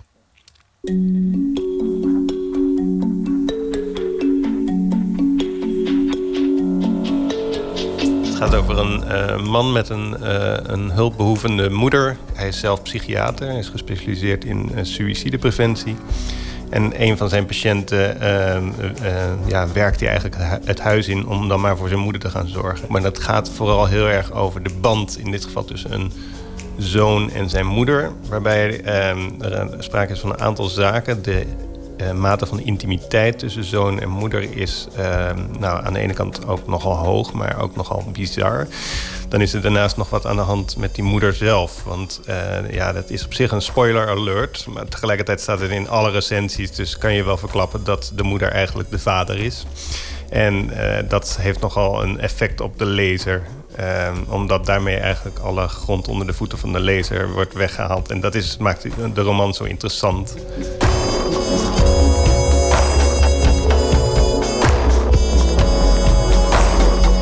Moedervlekken is zo'n boek dat je nieuwe inzichten geeft, vindt Erik-Jan Harmens. Bijvoorbeeld dat het erg fijn is om niet altijd binnen de lijntjes te kleuren. Ik heb hier met Arnon ook wel over gesproken uh, een tijd geleden over dit boek. En uh, wat ik heel erg mooi vond was het grensoverschrijdende. Er wordt aan alle, op allerlei mogelijke manieren worden er grenzen overschreden. Uh, dus de manier waarop hij als psychiater met zijn, met zijn patiënten omgaat, is grensoverschrijdend overschrijdend. De mate van intimiteit tussen zoon en moeder is grensoverschrijdend. Tegelijkertijd zien wij grensoverschrijdend vaak als verkeerd. Wij vinden dat eigenlijk, hè, van, zodra je grensoverschrijdend bezig bent, moet je eigenlijk dat terugbrengen, zodat je weer binnen je grenzen zit. Terwijl in dit geval, ja, ik denk dat de band hier tussen zoon en moeder, uh, um, ja, hoewel um, veel te vergaand, uh, tegelijkertijd ook weer heel erg mooi is. Dus in die zin leer je ook echt iets van dit boek, vind ik. Door vol op het orgel te gaan, door vol gas te geven. Maak je wel fouten, maar tegelijkertijd maak je ook dingen mee die je anders nooit had meegemaakt. Dus dat bevalt me er heel erg aan. Twee jaar geleden overleed de eigen moeder van Arno Grunberg. Hij schreef regelmatig over hun bijzondere band. Zij hadden ook een hele dichte, hechte band. Ehm, en hij heeft ook veel geschreven over hoe het was om in die tijd in de nabijheid van zijn eigen moeder te vertoeven. Je leest Moedervlekken en je leest een reflectie van de schrijver op, op het overlijden van zijn eigen moeder. Zo wil ik eigenlijk nooit een boek lezen. Ik wil een boek eigenlijk wel lezen echt als literatuur. Maar in dit geval ontkwam ik er gewoon niet aan. Omdat beide verhalen zo prominent zijn. Het, het, het, echte verhaal van Grunberg en zijn moeder is ook zo uitgebreid door hemzelf verteld dat je er niet aan ontkomt om, om het boek als, als twee te lezen. En dat is tegelijkertijd ook wel weer boeiend. Want die intieme band die Grunberg met zijn moeder had, geeft ook aan moedervlekken een extra lading. Uh, op het moment dat je eigen moeder ziek is, als zoon word je uh, geacht om op dat moment beslissingen te nemen over het leven van degene die jou verwekt heeft. Dus natuurlijk qua rolbepaling ook een beetje verwarrend. Ergens klopt dat niet. Dus dat op het moment uh, dat, dat er iets moest gebeuren met, uh, met zijn moeder... dan keek de moeder van Arnon gewoon haar zoon aan. Van ja, zeg jij maar wat we moeten doen. Dus dat is dan een soort enorme lading die je dan over je heen krijgt... of op je schouders krijgt. Ja, die je als schrijver maar op één manier uh, echt kunt uh, verwerken. Niet door het van je af te schrijven als een soort dagboek, maar om er fictie van te maken. Dat doet Arnold dus heel knap. En die lading voel je. Je voelt dat dit boek over veel meer gaat dan, dan uh, de eerste lijn. Dit gaat echt over. Ja, eigenlijk gaat dit boek over liefde, denk ik. maar ook in, over de grenzeloosheid daarvan.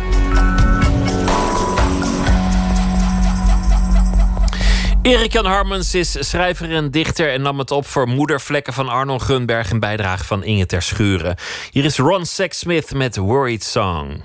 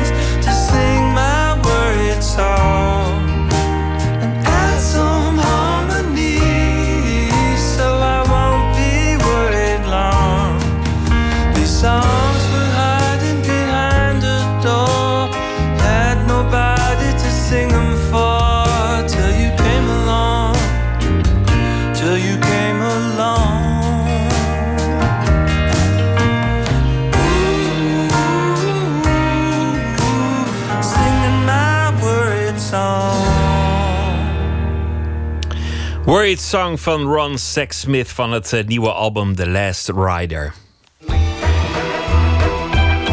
Nooit meer slapen. Het wordt eh, genoemd het laatste taboe. Kunstenaars en acteurs en praten over inkomen. Althans, dat suggereert de titel van het boek. Van, uh, waarin Maria Barnas, Gijs Scholten van Aschat en anderen praten over hoe moeilijk het kan zijn om in de kunst nog rond te komen. En waarom er toch altijd zo moeilijk over geld wordt gepraat. Het is een uh, boek van Olga Marion, de letterkundige historica. Ze ontdekte samen met Frans Blom in de archieven dat het probleem niet gisteren is begonnen. Maar dat het al vanaf het begin van het professionele toneel daar is geweest. En er zijn ook elegante oplossingen te bedenken, gelukkig. Matthijs Deen reisde af naar het Verre Leiden om te praten met Olga van Marion.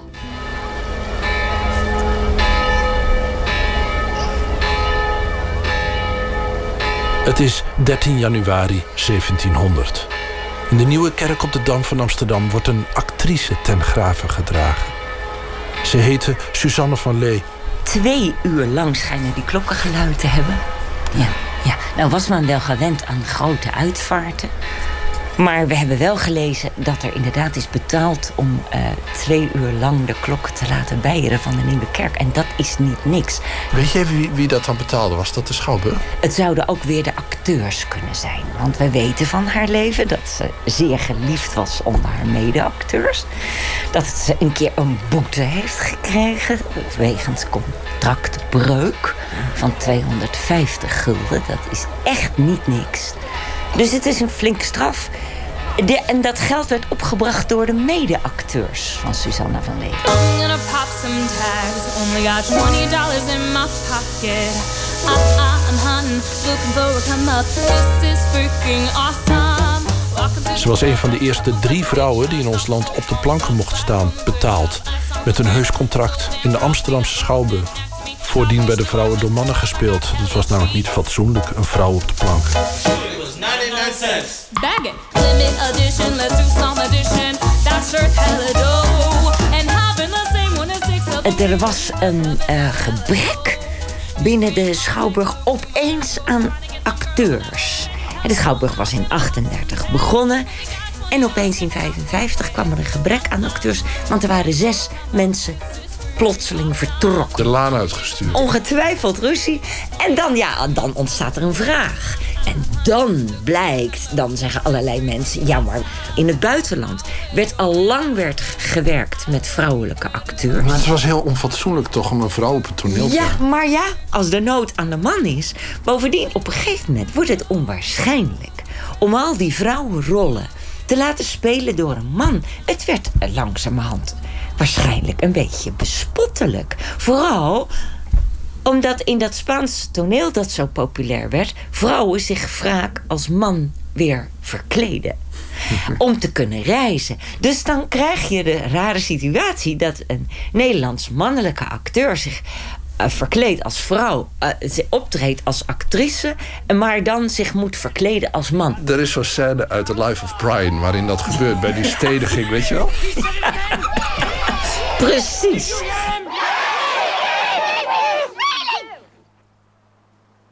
Are there any women here today? Sorry, I thought we'd started. Go to the back. Oh dear. Always one, isn't there? Now, where were we? Look. Suzanne, die nu dood is, speelde al 15 jaar niet meer. En toch drommen de mensen de kerk in en worden de klokken op de dam aan één stuk voor haar geluid. En wie moet dat betalen? Was er niet iets met Suzanne en geldsproblemen? Dat schandaal zal haar hele leven wel om haar heen hebben gehangen.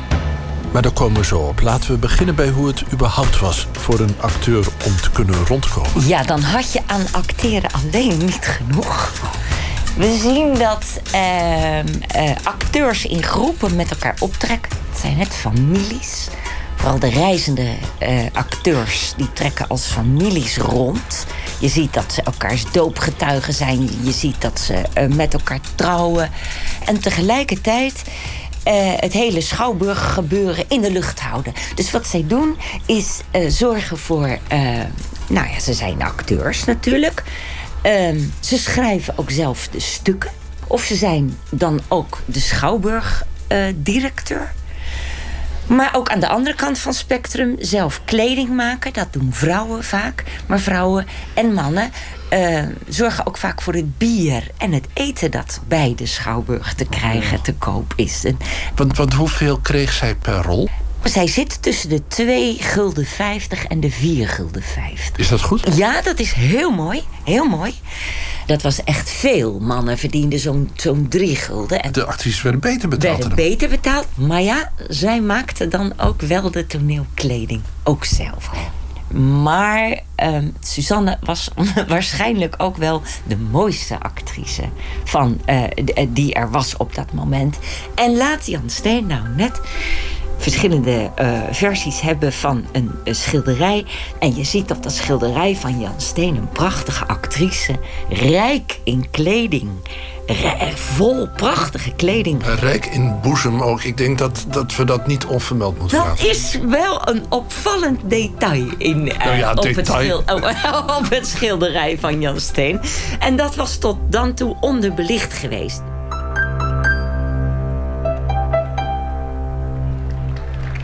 We, we weten van Schouwburgen eh, in die tijd dat het er veel vrolijker aan toe ging dan nu. Je kon voor een bepaald aantal stuivers binnenkomen binnen eh, het poortje van de Schouwburg. En vervolgens kon je rangen en standen kiezen. Je kon dan deftig plaatsnemen in de loge. Of je kon eh, eh, lager of op de banken eromheen gaan. Of eh, in het middendeel had je zitplaatsen en staanplaatsen. Je kon daar dan ook eten kopen en drinken kopen. Tijdens de voorstelling. Oh, maar je tegen de bar opspelen is toch Dus je verschrikkelijk? kon, waarschijnlijk was er ook geroezemoes. Dat er geroepen, geschreeuwd werd. Dat er misschien ook wel eens wat gegooid werd. En dan als een soort, ja, bijna geneeskrachtige apotheose... het, het woelen op het toneel zagen. En daarin met elkaar meegingen en joelden en schreeuwden. En in het midden daarvan is Suzanne van Lee. Ja, dat, zou, dat moet natuurlijk wel een heerlijk gezicht zijn geweest. Zo'n, eh, als het inderdaad zo'n prachtige actrice was, om haar dan te zien. En waarschijnlijk heeft ze een schare volgelingen gehad. Die, ja, fans, mensen die haar graag wilden zien. Vandaar dat de schouwburger zo aan haar trokken. Dat het zo- zowel in Den Haag gevraagd werd als eh, in Amsterdam. En iedereen wilde haar wel hebben. Zo'n steractrice. Die er waarschijnlijk zo prachtig uitzag.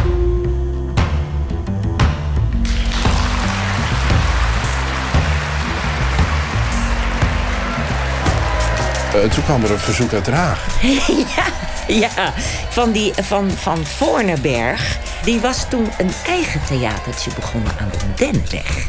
En in de achtertuin, een, een, een tuinhuis, een groter huis... had hij als theatertje daar ingericht. Ja, daar probeerde hij de, de steracteurs uit Amsterdam weg te kopen. Maar hij haalde wel een, een, een, een grote, belangrijke vis binnen... Het gezin had je gelijk, had je kostuums, je had muziek, je had eh, actrice. Exact, actie- exact. Je had een acteur en een actrice en muzikus, kostuums. Je had hun kinderen als kinderen op toneel. En hun bier en hun, en hun, hun, hun levenswereld daaromheen. Je haalde echt een belangrijk binnen. Dat wilde zeggen dat je ook iets belangrijks weghaalde uit Amsterdam. En dat was, werd daar heel pijnlijk gevoeld. En Amsterdamse eh, eh, Schouwburg was altijd nogal agressief in het beschermen van de eigen rechten. Dan werd er flink opgetreden. Ook in dit geval van Suzanne en eh, haar echtgenoot Rogges. Jullie zijn naar Den Haag gegaan. Jullie moeten terugkomen naar Amsterdam. Ze hebben in, ehm, eh, in 62 in dat contract in Den Haag getekend. In 63 zijn ze dan op, eh, in de, op de kermis in Amsterdam te zien. En dan zegt Amsterdam weer: ja, eh, je moet terugkomen. Kom terug.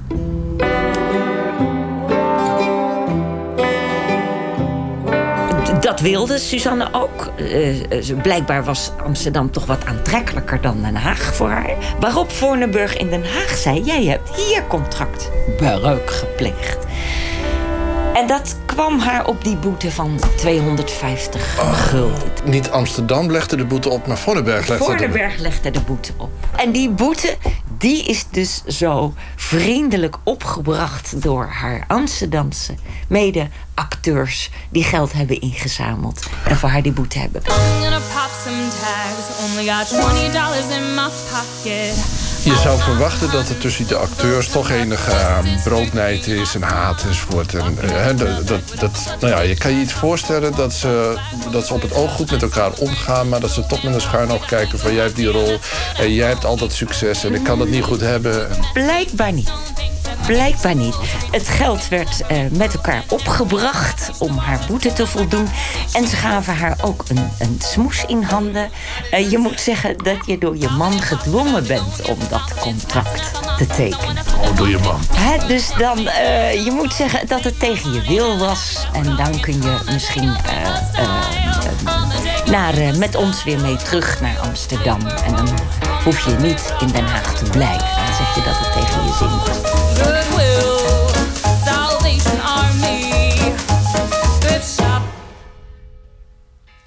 Matthijs Deen in gesprek met letterkundige historica Olga van Marion. Suzanne Vega treedt volgende week op in Utrecht tijdens het Literatuurfestival.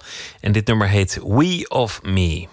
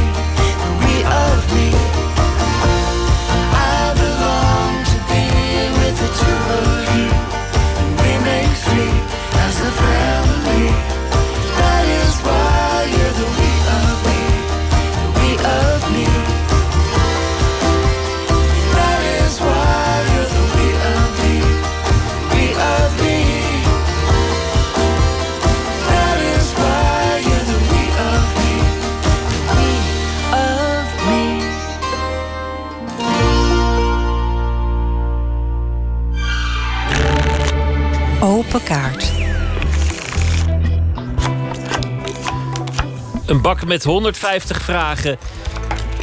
Leuke vragen en minder leuke vragen. Vragen over werk en vragen over eh, het leven. Op elke kaart staat een vraag. Lidian Brakema, die is hier eh, te gast, is regisseur. Ze heeft een eh, voorstelling volgende week, Face to Face. En die is onder meer te zien in het Bellevue Theater. Gebaseerd op een film van Ingmar Bergman, de Zweedse cineast. En het eh, gaat over de vraag of mensen nog wel afhankelijk van elkaar durven zijn. Lilian is eh, afgestudeerd in 2015 aan de regieopleiding in Amsterdam. Haar eh, voorstelling De Wilde Eend werd meteen geselecteerd voor het Nederlands Theaterfestival. Wat een ware prestatie mocht heten. Lilian, hartelijk welkom. Dankjewel. Goedenavond. Vertel eerst iets over, over het verhaal. Voor, voor wie de film nooit gezien heeft. Ik trouwens ook niet, van, eh, van, van Bergman. Face-to-face, wat, wat is de, de setting? Ja, face-to-face gaat over de uh, succesvolle psychiater. Die heet Jenny. En die heeft van buiten eigenlijk alles wat je kan bedenken. Een supermooie carrière, een man, een kind. En ze is ook nog heel mooi om te zien. En door, door de voorstelling heen kom je er eigenlijk achter... dat uh, ze dat zelf helemaal niet kan voelen. En dat er een heel groot gat zit tussen wie ze van buiten is... en uh, wat ze van binnen voelt. En uh, dat vind ik een heel spannend thema. Dat, dat er iets niet in overeenstemming is. Ja, dat je van buiten er zo gelukkig en mooi en succesvol uit kan zien. Dat je denkt, wauw, dat zou ik ook wel willen. Maar dat er ondertussen nog zo'n soort andere binnenkant is. Ook wel een thema van deze tijd, waarin de, de, de PR-afdelingen op, op de smartphone goed onderhouden worden. -hmm. En de binnenkant soms wellicht wat verwaarloosd. Ja, ja daarom uh, vind ik het ook een heel uh, spannende. Um, spannend iets om juist nu op het toneel te brengen. Want toen Bergman het filmde, toen ging het voor hem meer over... Ja, wat gebeurt er als je een trauma, een onverwerkt trauma hebt... en hoe ga je dan verder? En bij ons gaat het veel meer over de relaties. Als je het allemaal wel van buiten heel goed doet... en van het een in het ander rent en het, en het loopt allemaal en het gaat goed... maar hoe blijf je dan ook nog bij jezelf? En als je jezelf kwijtraakt, hoe ga je dan nog echt verbindingen aan met andere mensen? Tijdens de repetitie was, was al heel voelbaar uh, uh, in de zaal dat, dat, dat mensen allerlei verbindingen met elkaar hadden, maar niet echt tot het uiterste durfden te gaan. Uiteindelijk mm -hmm. leefden ze langs elkaar heen of trokken zich terug of, of keerden elkaar de rug toe als er op aankwam. Ja. Niemand, niemand die echt volledig zich durfde over te geven aan de ander, mm -hmm. of uit te leveren. Is dat, is dat ook een thema wat jou betreft? Ja, ja ik vind dat wel, uh, wel spannend dat je dat ik om me heen zie en dat zelf ook wel echt een tijdje heb gehad... dat ik heel bang was om kwetsbaar te zijn. Om ook soms te denken, ah, dit lukt nog even niet... of dit kan ik niet, of dit vind ik eng. Maar dat ik dan probeerde te zijn wie ik vond dat ik moest zijn. En dat het leven echt heel veel leuker is geworden... sinds, uh, sinds ik denk, oké, okay, niet alles lukt... en dat mogen mensen ook af en toe zien kwetsbaar zijn, maar ook afhankelijk zijn. Dat is, dat is natuurlijk ook een vorm van kwetsbaarheid. Ja. Die, die nog naarder is, wellicht. Mm -hmm. Ja, ik vind het echt heel eng om afhankelijk te zijn. Ik denk altijd, nou, kom op, uh, sterk en onafhankelijk. Dat voelt eigenlijk wel lekker. Maar ik kom er ook wel achter dat het ook heel, uh, ja, heel eng, maar ook heel bijzonder is als je wel afhankelijk durft te zijn. En uh, dat is denk ik iets waar wij zo'n beetje zijn opgegroeid als generatie van, nou, je kan je leven zelf maken en je hebt het zelf in de hand en het is maakbaar en als je onafhankelijk bent en vrij, dan is dat echt een groot goed. Dat moet je houden. En dat, dat we misschien een beetje zijn verleerd om ook afhankelijk te zijn. Of soms een relatie aan te gaan die even niet zo lekker loopt. Of een verbinding met iemand. En um, waar je ook je lelijkheid mag laten zien eigenlijk. En waar daar ook tijd en ruimte voor is. Het zijn allemaal dingen die, die niet heel, heel ideaal klinken. Niemand wil afhankelijk zijn. Mm -hmm. Niemand wil elkaars lelijkheid zien. Niemand wil een niet leuke relatie hebben. Uh -huh. Maar het zijn dingen die uiteindelijk toch gebeuren. Je Ja. zult afhankelijk zijn. Je bent afhankelijk. Mhm. Je zult elkaars lelijkheid tegenkomen. En, en die relatie zal ook niet leuk zijn. Ja. Of niet altijd. En, maar dat hoort daar ook bij. Dan, dan is er ook veel meer ruimte om het echt wel heel leuk te hebben. Of om echt wel heel blij te zijn. En om wel heel erg met elkaar in verbinding te staan. Dus, maar als je dat, dat soort viezere niet aandurft te gaan... of dat, dat uh, lelijkere, dan is er ook veel minder ruimte voor het mooie. Dus dat... Uh, ja, dat zou ik wel veel meer mensen gunnen. Om dat ook af en toe uh, te zeggen... ah, nee, dit werkt even niet of dit lukt even niet. Dat lijkt me mooi. De lelijkheid te doorstaan, ja. af en toe. Of gewoon, te, of gewoon echt te durven... Uh, je helemaal aan iemand over te geven. Dat is ook te gek om te doen, maar ook heel eng. En ook heel, heel lelijk als het misgaat... maar ook daar kom je wel weer uit, natuurlijk. Ja, ja. Het ziet er ook prachtig uit. Ik ga niet, niet vertellen wat er zo prachtig aan is, maar hm. de, dat, dat zou een soort van uh, spoiler zijn. Maar visueel heb je, heb je er heel veel aandacht aan besteed. Mm -hmm, en ook, ook risico's aangedurfd met deze voorstelling. Mm -hmm. hoe, is dat, hoe is dat regisseren um, jouw beroep geworden? Wanneer um, maakte je die keuze? Ja, ik wilde vroeger altijd uh, actrice worden. En dat wilde ik omdat ik dan dacht... dan kan je mensen raken en veranderen. Dus dat was ook wel groot en idealistisch. En toen speelde ik in een, uh, in een voorstelling over Israël en de Palestijnse gebieden. En um, toen voelde ik echt zo in die zaal als actrice... dat je echt mensen kan raken en echt in beweging kan brengen... en kan veranderen als ze vastzitten in patronen. Dat ik dacht, ja, dat wil ik. En ik wil dan bepalen wat dat is. Want ik speelde ondertussen ook in een hele slechte soap-serie... en in een heel, plat toneelstuk. Toen dacht ik, hè, ik wil zelf bepalen wat er komt. En echt uh, heel idealistisch nog. Maar echt dat ik dacht, je kan de hele wereld veranderen... en alle Israël-Palestina-problemen oplossen met theater. En toen ging ik naar de regieopleiding en toen kwam ik erachter... dat het eigenlijk fijner is om kleiner te beginnen. Omdat het toch allemaal over mensen gaat. En die hele Israël-Palestina-kwestie ook over mensen gaat. Dus nu uh, ja, kwam er eigenlijk snel achter dat ik dacht...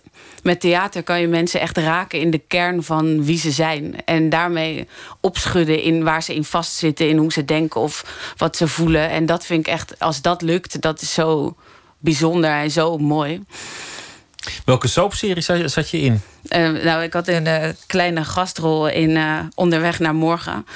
En ik speelde altijd een beetje de, ja, de, het, het mooie meisje of zo. En dat was heel, heel stom en leeg om te doen. Ja, in zo'n soort mannenfantasie van... ja, het is echt een goed idee als je uh, ja, dan op hem gaat liggen en iets meer adem haalt. Ja, iets meer adem tijdens de seks. Dat zou wel goed zijn. En ik wilde niet meer in. Ik wilde in mijn eigen fantasievoorstellingen maken. Nou, daar ben je nu mee bezig. Ja, Niemand vertelt je dat, je dat je meer adem moet halen tijdens uh, de, de, seksuele handeling. Laten we beginnen met deze kaarten. Hier, uh, hier is de bak. Ja. Trek een kaart. Oké. Okay.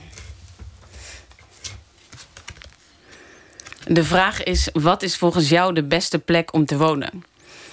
Um, nou, dat zijn er twee.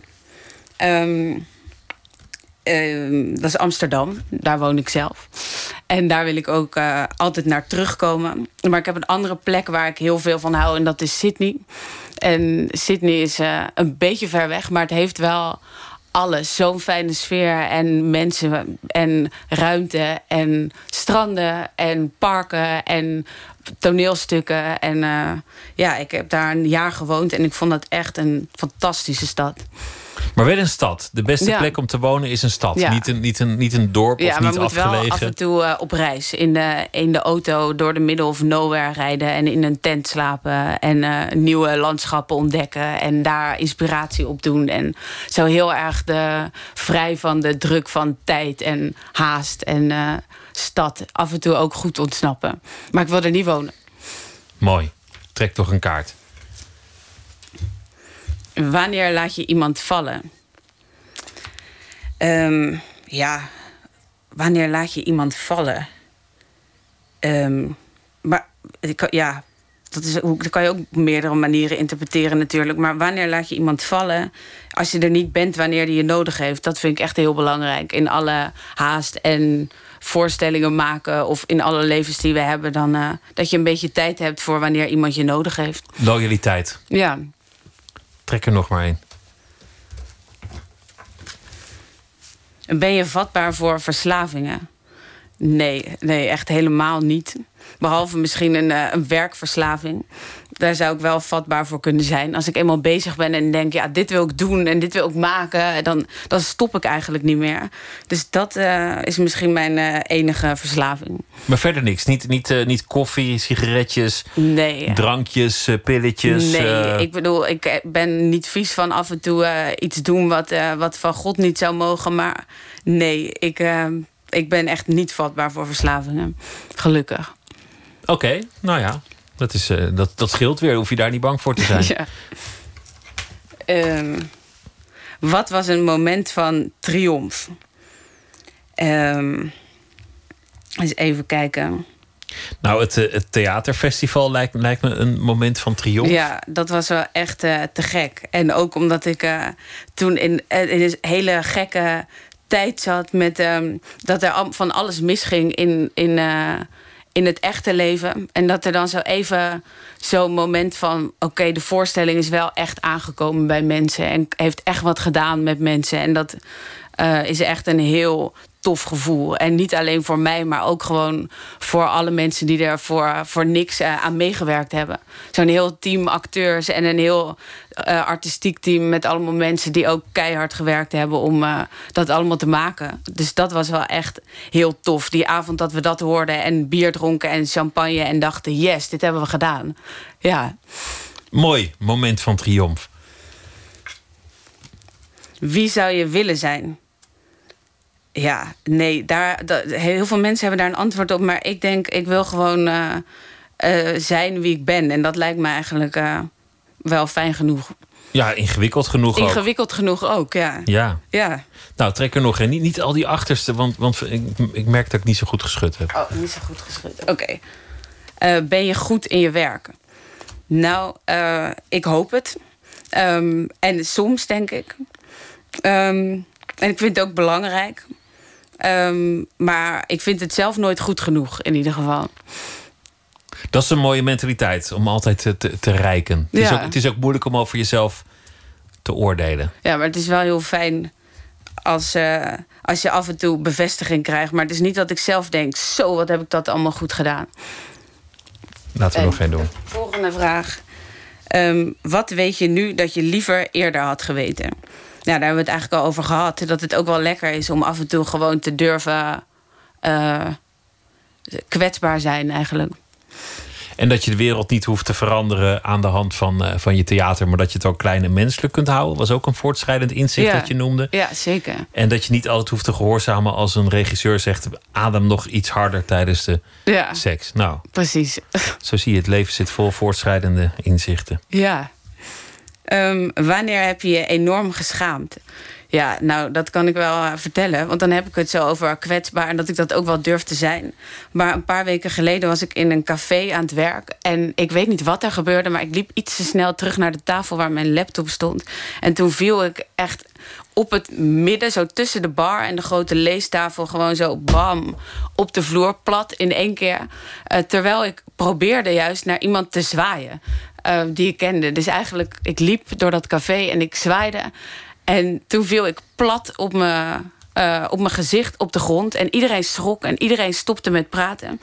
En wat ik deed was heel snel opstaan en naar mijn tafel lopen... en doen alsof er niks gebeurd was. En uh, iedereen praatte weer rustig verder. En ik schaamde me echt heel erg dat ik niet gewoon even durfde te kijken... of ik niet, wat dat had ik, heel veel blauwe plekken had... Um, maar dat ik het zo erg vond dat iedereen mij zo hard had zien vallen. Ja, ja dat, dat zie je vaker. Dat heb ik zelf volgens mij ook wel eens gehad. Dat, dat je op je bek gaat, letterlijk. Uh -huh. en, en dat je dan je pijn negeert uit schaamte. Ja. Dat je dan niet even kijkt van, goh, is het gebroken of zo? Maar dat je gewoon, nee, nee, nee het gaat goed. Ah, nee, het gaat goed, ja. ja. Ik ben cool. En waar struikelde je nou over? Was dat zo'n snoer van zo'n laptop? Nee, ik struikelde echt nergens over. Ik kan me niet... Uh, herinneren waar ik dan over gestruikeld ben. Maar ik wilde juist even echt vriendelijk zwaaien naar iemand. Dus toen ik op de grond viel, in plaats van dat ik even bleef liggen, stond ik op en zwaaide ik gewoon verder. Dat was nog het meest hilarische van, uh, van het verhaal. Ja. Kan iedereen gebeuren. Ja. De voorstelling die uh, is face-to-face uh, -face is vanaf 8 mei te zien in theaters door het uh, hele land. Ja, jij zei volgende week, maar het is heel mei en dan in september en oktober gaan we weer verder. Heel mei te zien. Lilian Brakema, dank je wel. Dank je wel. Het is een soort van jubileum. 20 jaar geleden kwam OK Computer uit van Radiohead. Een legendarisch album. En er zijn dus nu overal posters opgehangen in verschillende steden over de hele wereld van de band. En uh, fans speculeren hoe Radiohead dit jubileum zal gaan vieren. Dit nummer stond er ook op. No Surprises.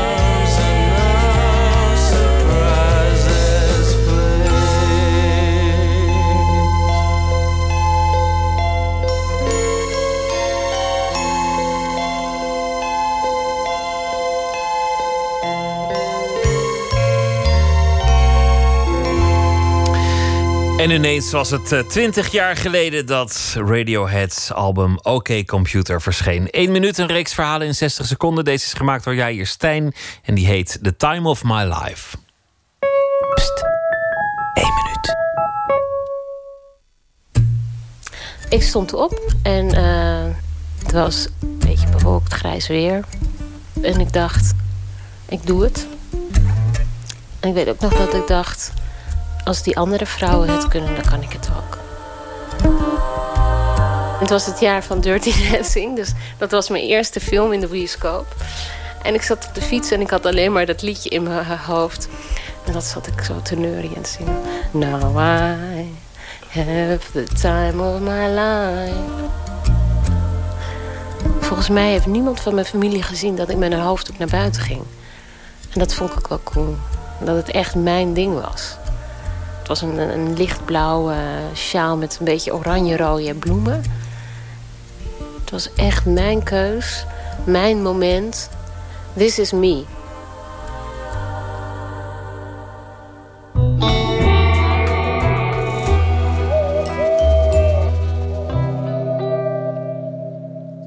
Maartje Wortel is deze week onze huischroniqueur. Ze zal elke nacht een verhaal maken, geïnspireerd op een gebeurtenis van de afgelopen dag. Maartje, goeienacht. Hallo Pieter, goeienacht. Hoe was je avond? Hoe was je dodenherdenking? Uh, ik was gewoon thuis.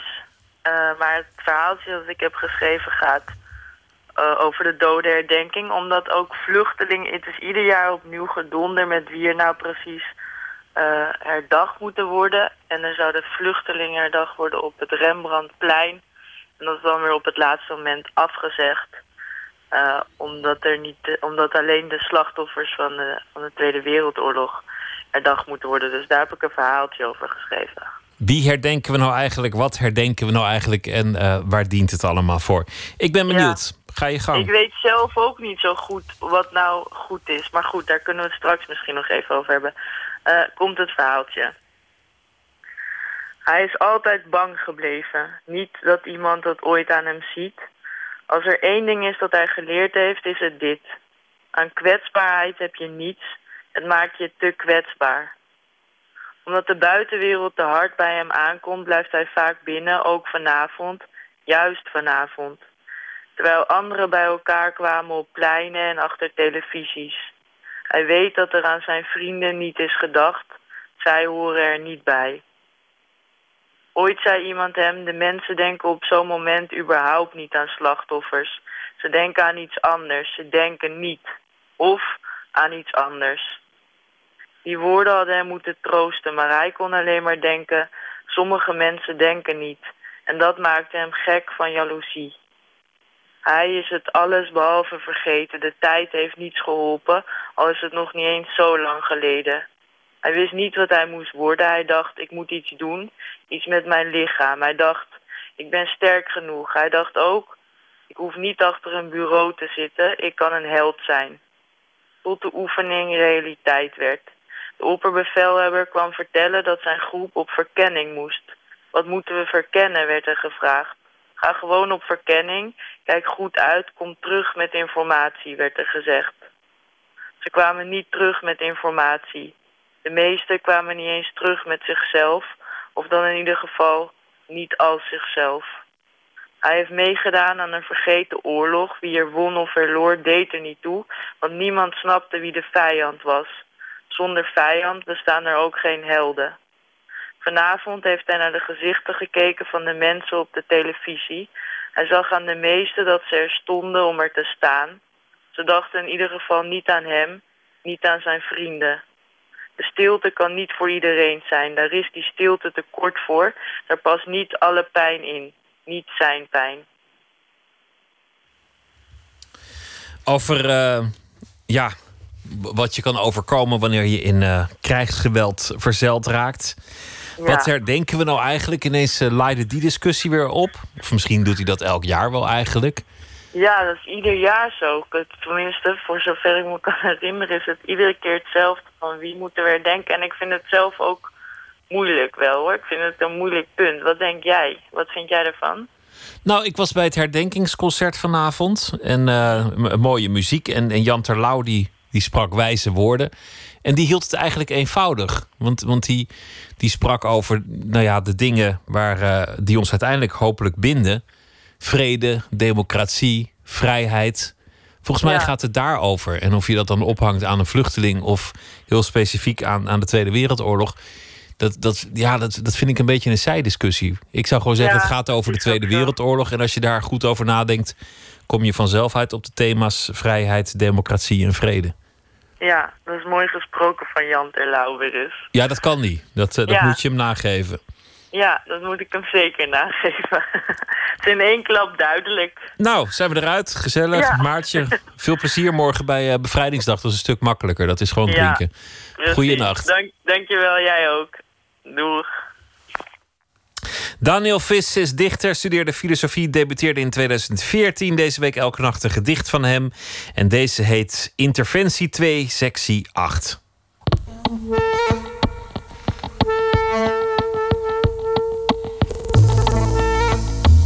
Interferentie 2, sectie 8. Ik houd een vorm vast tussen mijn vingers. De vorm heeft een kleur. Ik heb de vorm en de kleur vaak vastgehouden. Ze weet niet wat ik denk. De kassa-medewerker weet niet wat ik denk. De transactie is eenvoudig. Pinpas erin, pincode intoetsen, op oké drukken, wachten op het signaal akkoord, pinpas eruit. Ik hoef niets tegen haar te zeggen. Wat ik wil is eenvoudig. Het pinapparaat is een levenloos ding. Het wil niet dat ik me vergis bij het intoetsen van de code. Met vreemden nooit langer dan één seconde oogcontact maken. De kassamedewerker is een vreemde. Mijn hand met de pinpas verplaatst zich vooruit. Merk je het effect van de weekmakers, zegt ze. Ze hopen zich vooral op in de schedel en de wervelkolom. In dit fragment loopt iemand, of die staat in de rij voor de kassa en die moet gaan pinnen. En dit is iets wat ik eh, zelf ook eh, heb: dat je dat soort hele dagelijkse handelingen opeens gaat zien als een protocol met eh, stappen. En dan alle stappen gaat bedenken. En dan bij alle stappen denkt dat, dat, dat al die stappen fout kunnen gaan. Waarmee handelen iets ontzettend ingewikkelds wordt. Dat heeft de ik-figuur hier ook. Hij heeft die pinpas vast en hij denkt van tevoren al wat er allemaal moet gaan gebeuren. En is dan ook nog feitelijk bevreesd dat het pinapparaat tegen hem gaat werken. En ook dat die kassamedewerker tegen hem gaat werken. En die opmerking van de kassamedewerker over weekmakers grijpt in op iets wat eerder in het gedicht gebeurt. En dat is eigenlijk dan ook weer een ondermijning. Want hij gebruikt dat protocol om te denken: het is veilig om me heen. En die kassamedewerker weet opeens wel wat hij denkt. Die weet iets wat ze helemaal niet kan weten. En zegt dat tegen hem. En da- daarmee ondermijnt het fragment eigenlijk het, de procedure die de ik-figuur voor zichzelf gebruikt om eh, zich rustig te houden in de supermarkt. Interferentie 2, sectie 8. Ik houd een vorm vast tussen mijn vingers. De vorm heeft een kleur. Ik heb de vorm en de kleur vaak vastgehouden. Ze weet niet wat ik denk. De kassamedewerker weet niet wat ik denk. De transactie is eenvoudig. Pinpas erin, pincode intoetsen, op oké drukken, wachten op het signaal akkoord, pinpas eruit. Ik hoef niets tegen haar te zeggen. Wat ik wil is eenvoudig. Het pinapparaat is een levenloos ding. Het wil niet dat ik me vergis bij het intoetsen van de code. Met vreemden nooit langer dan één seconde oogcontact maken. De kassamedewerker is een vreemde. Mijn hand met de pinpas verplaatst zich vooruit. Merk je het effect van de weekmakers, zegt ze. Ze hopen zich vooral op in de schedel en de wervelkolom. Daniel Vis las het gedicht Interferentie 2, sectie 8. Morgen in Nooit meer slapen Esther Naomi Perquin. En zij gaat in gesprek met sociaal wetenschapper Linda Duits. Die heeft een eh, nieuw boek geschreven over het feminisme, Dolle Mythes. En het gaat over eh, vijf hardnekkige mythes die de ronde doen over het feminisme. En eh, bijvoorbeeld dat als je het over de tweede feministische golf hebt... dat mensen meteen denken aan tuinbroeken en BH-verbrandingen. Maar wat is er nou echt gebeurd in die beweging en eh, hoe moet je dat vergelijken? met het feminisme van nu, 2017. Esther Naomi Perquin die zal haar daarover scherp aan de tand voelen. En morgen krijgen we dus allemaal nieuwe inzichten daarover. Wens ik u nu een hele goede nacht en zometeen veel plezier met de Nachtzuster. Goeienacht. Op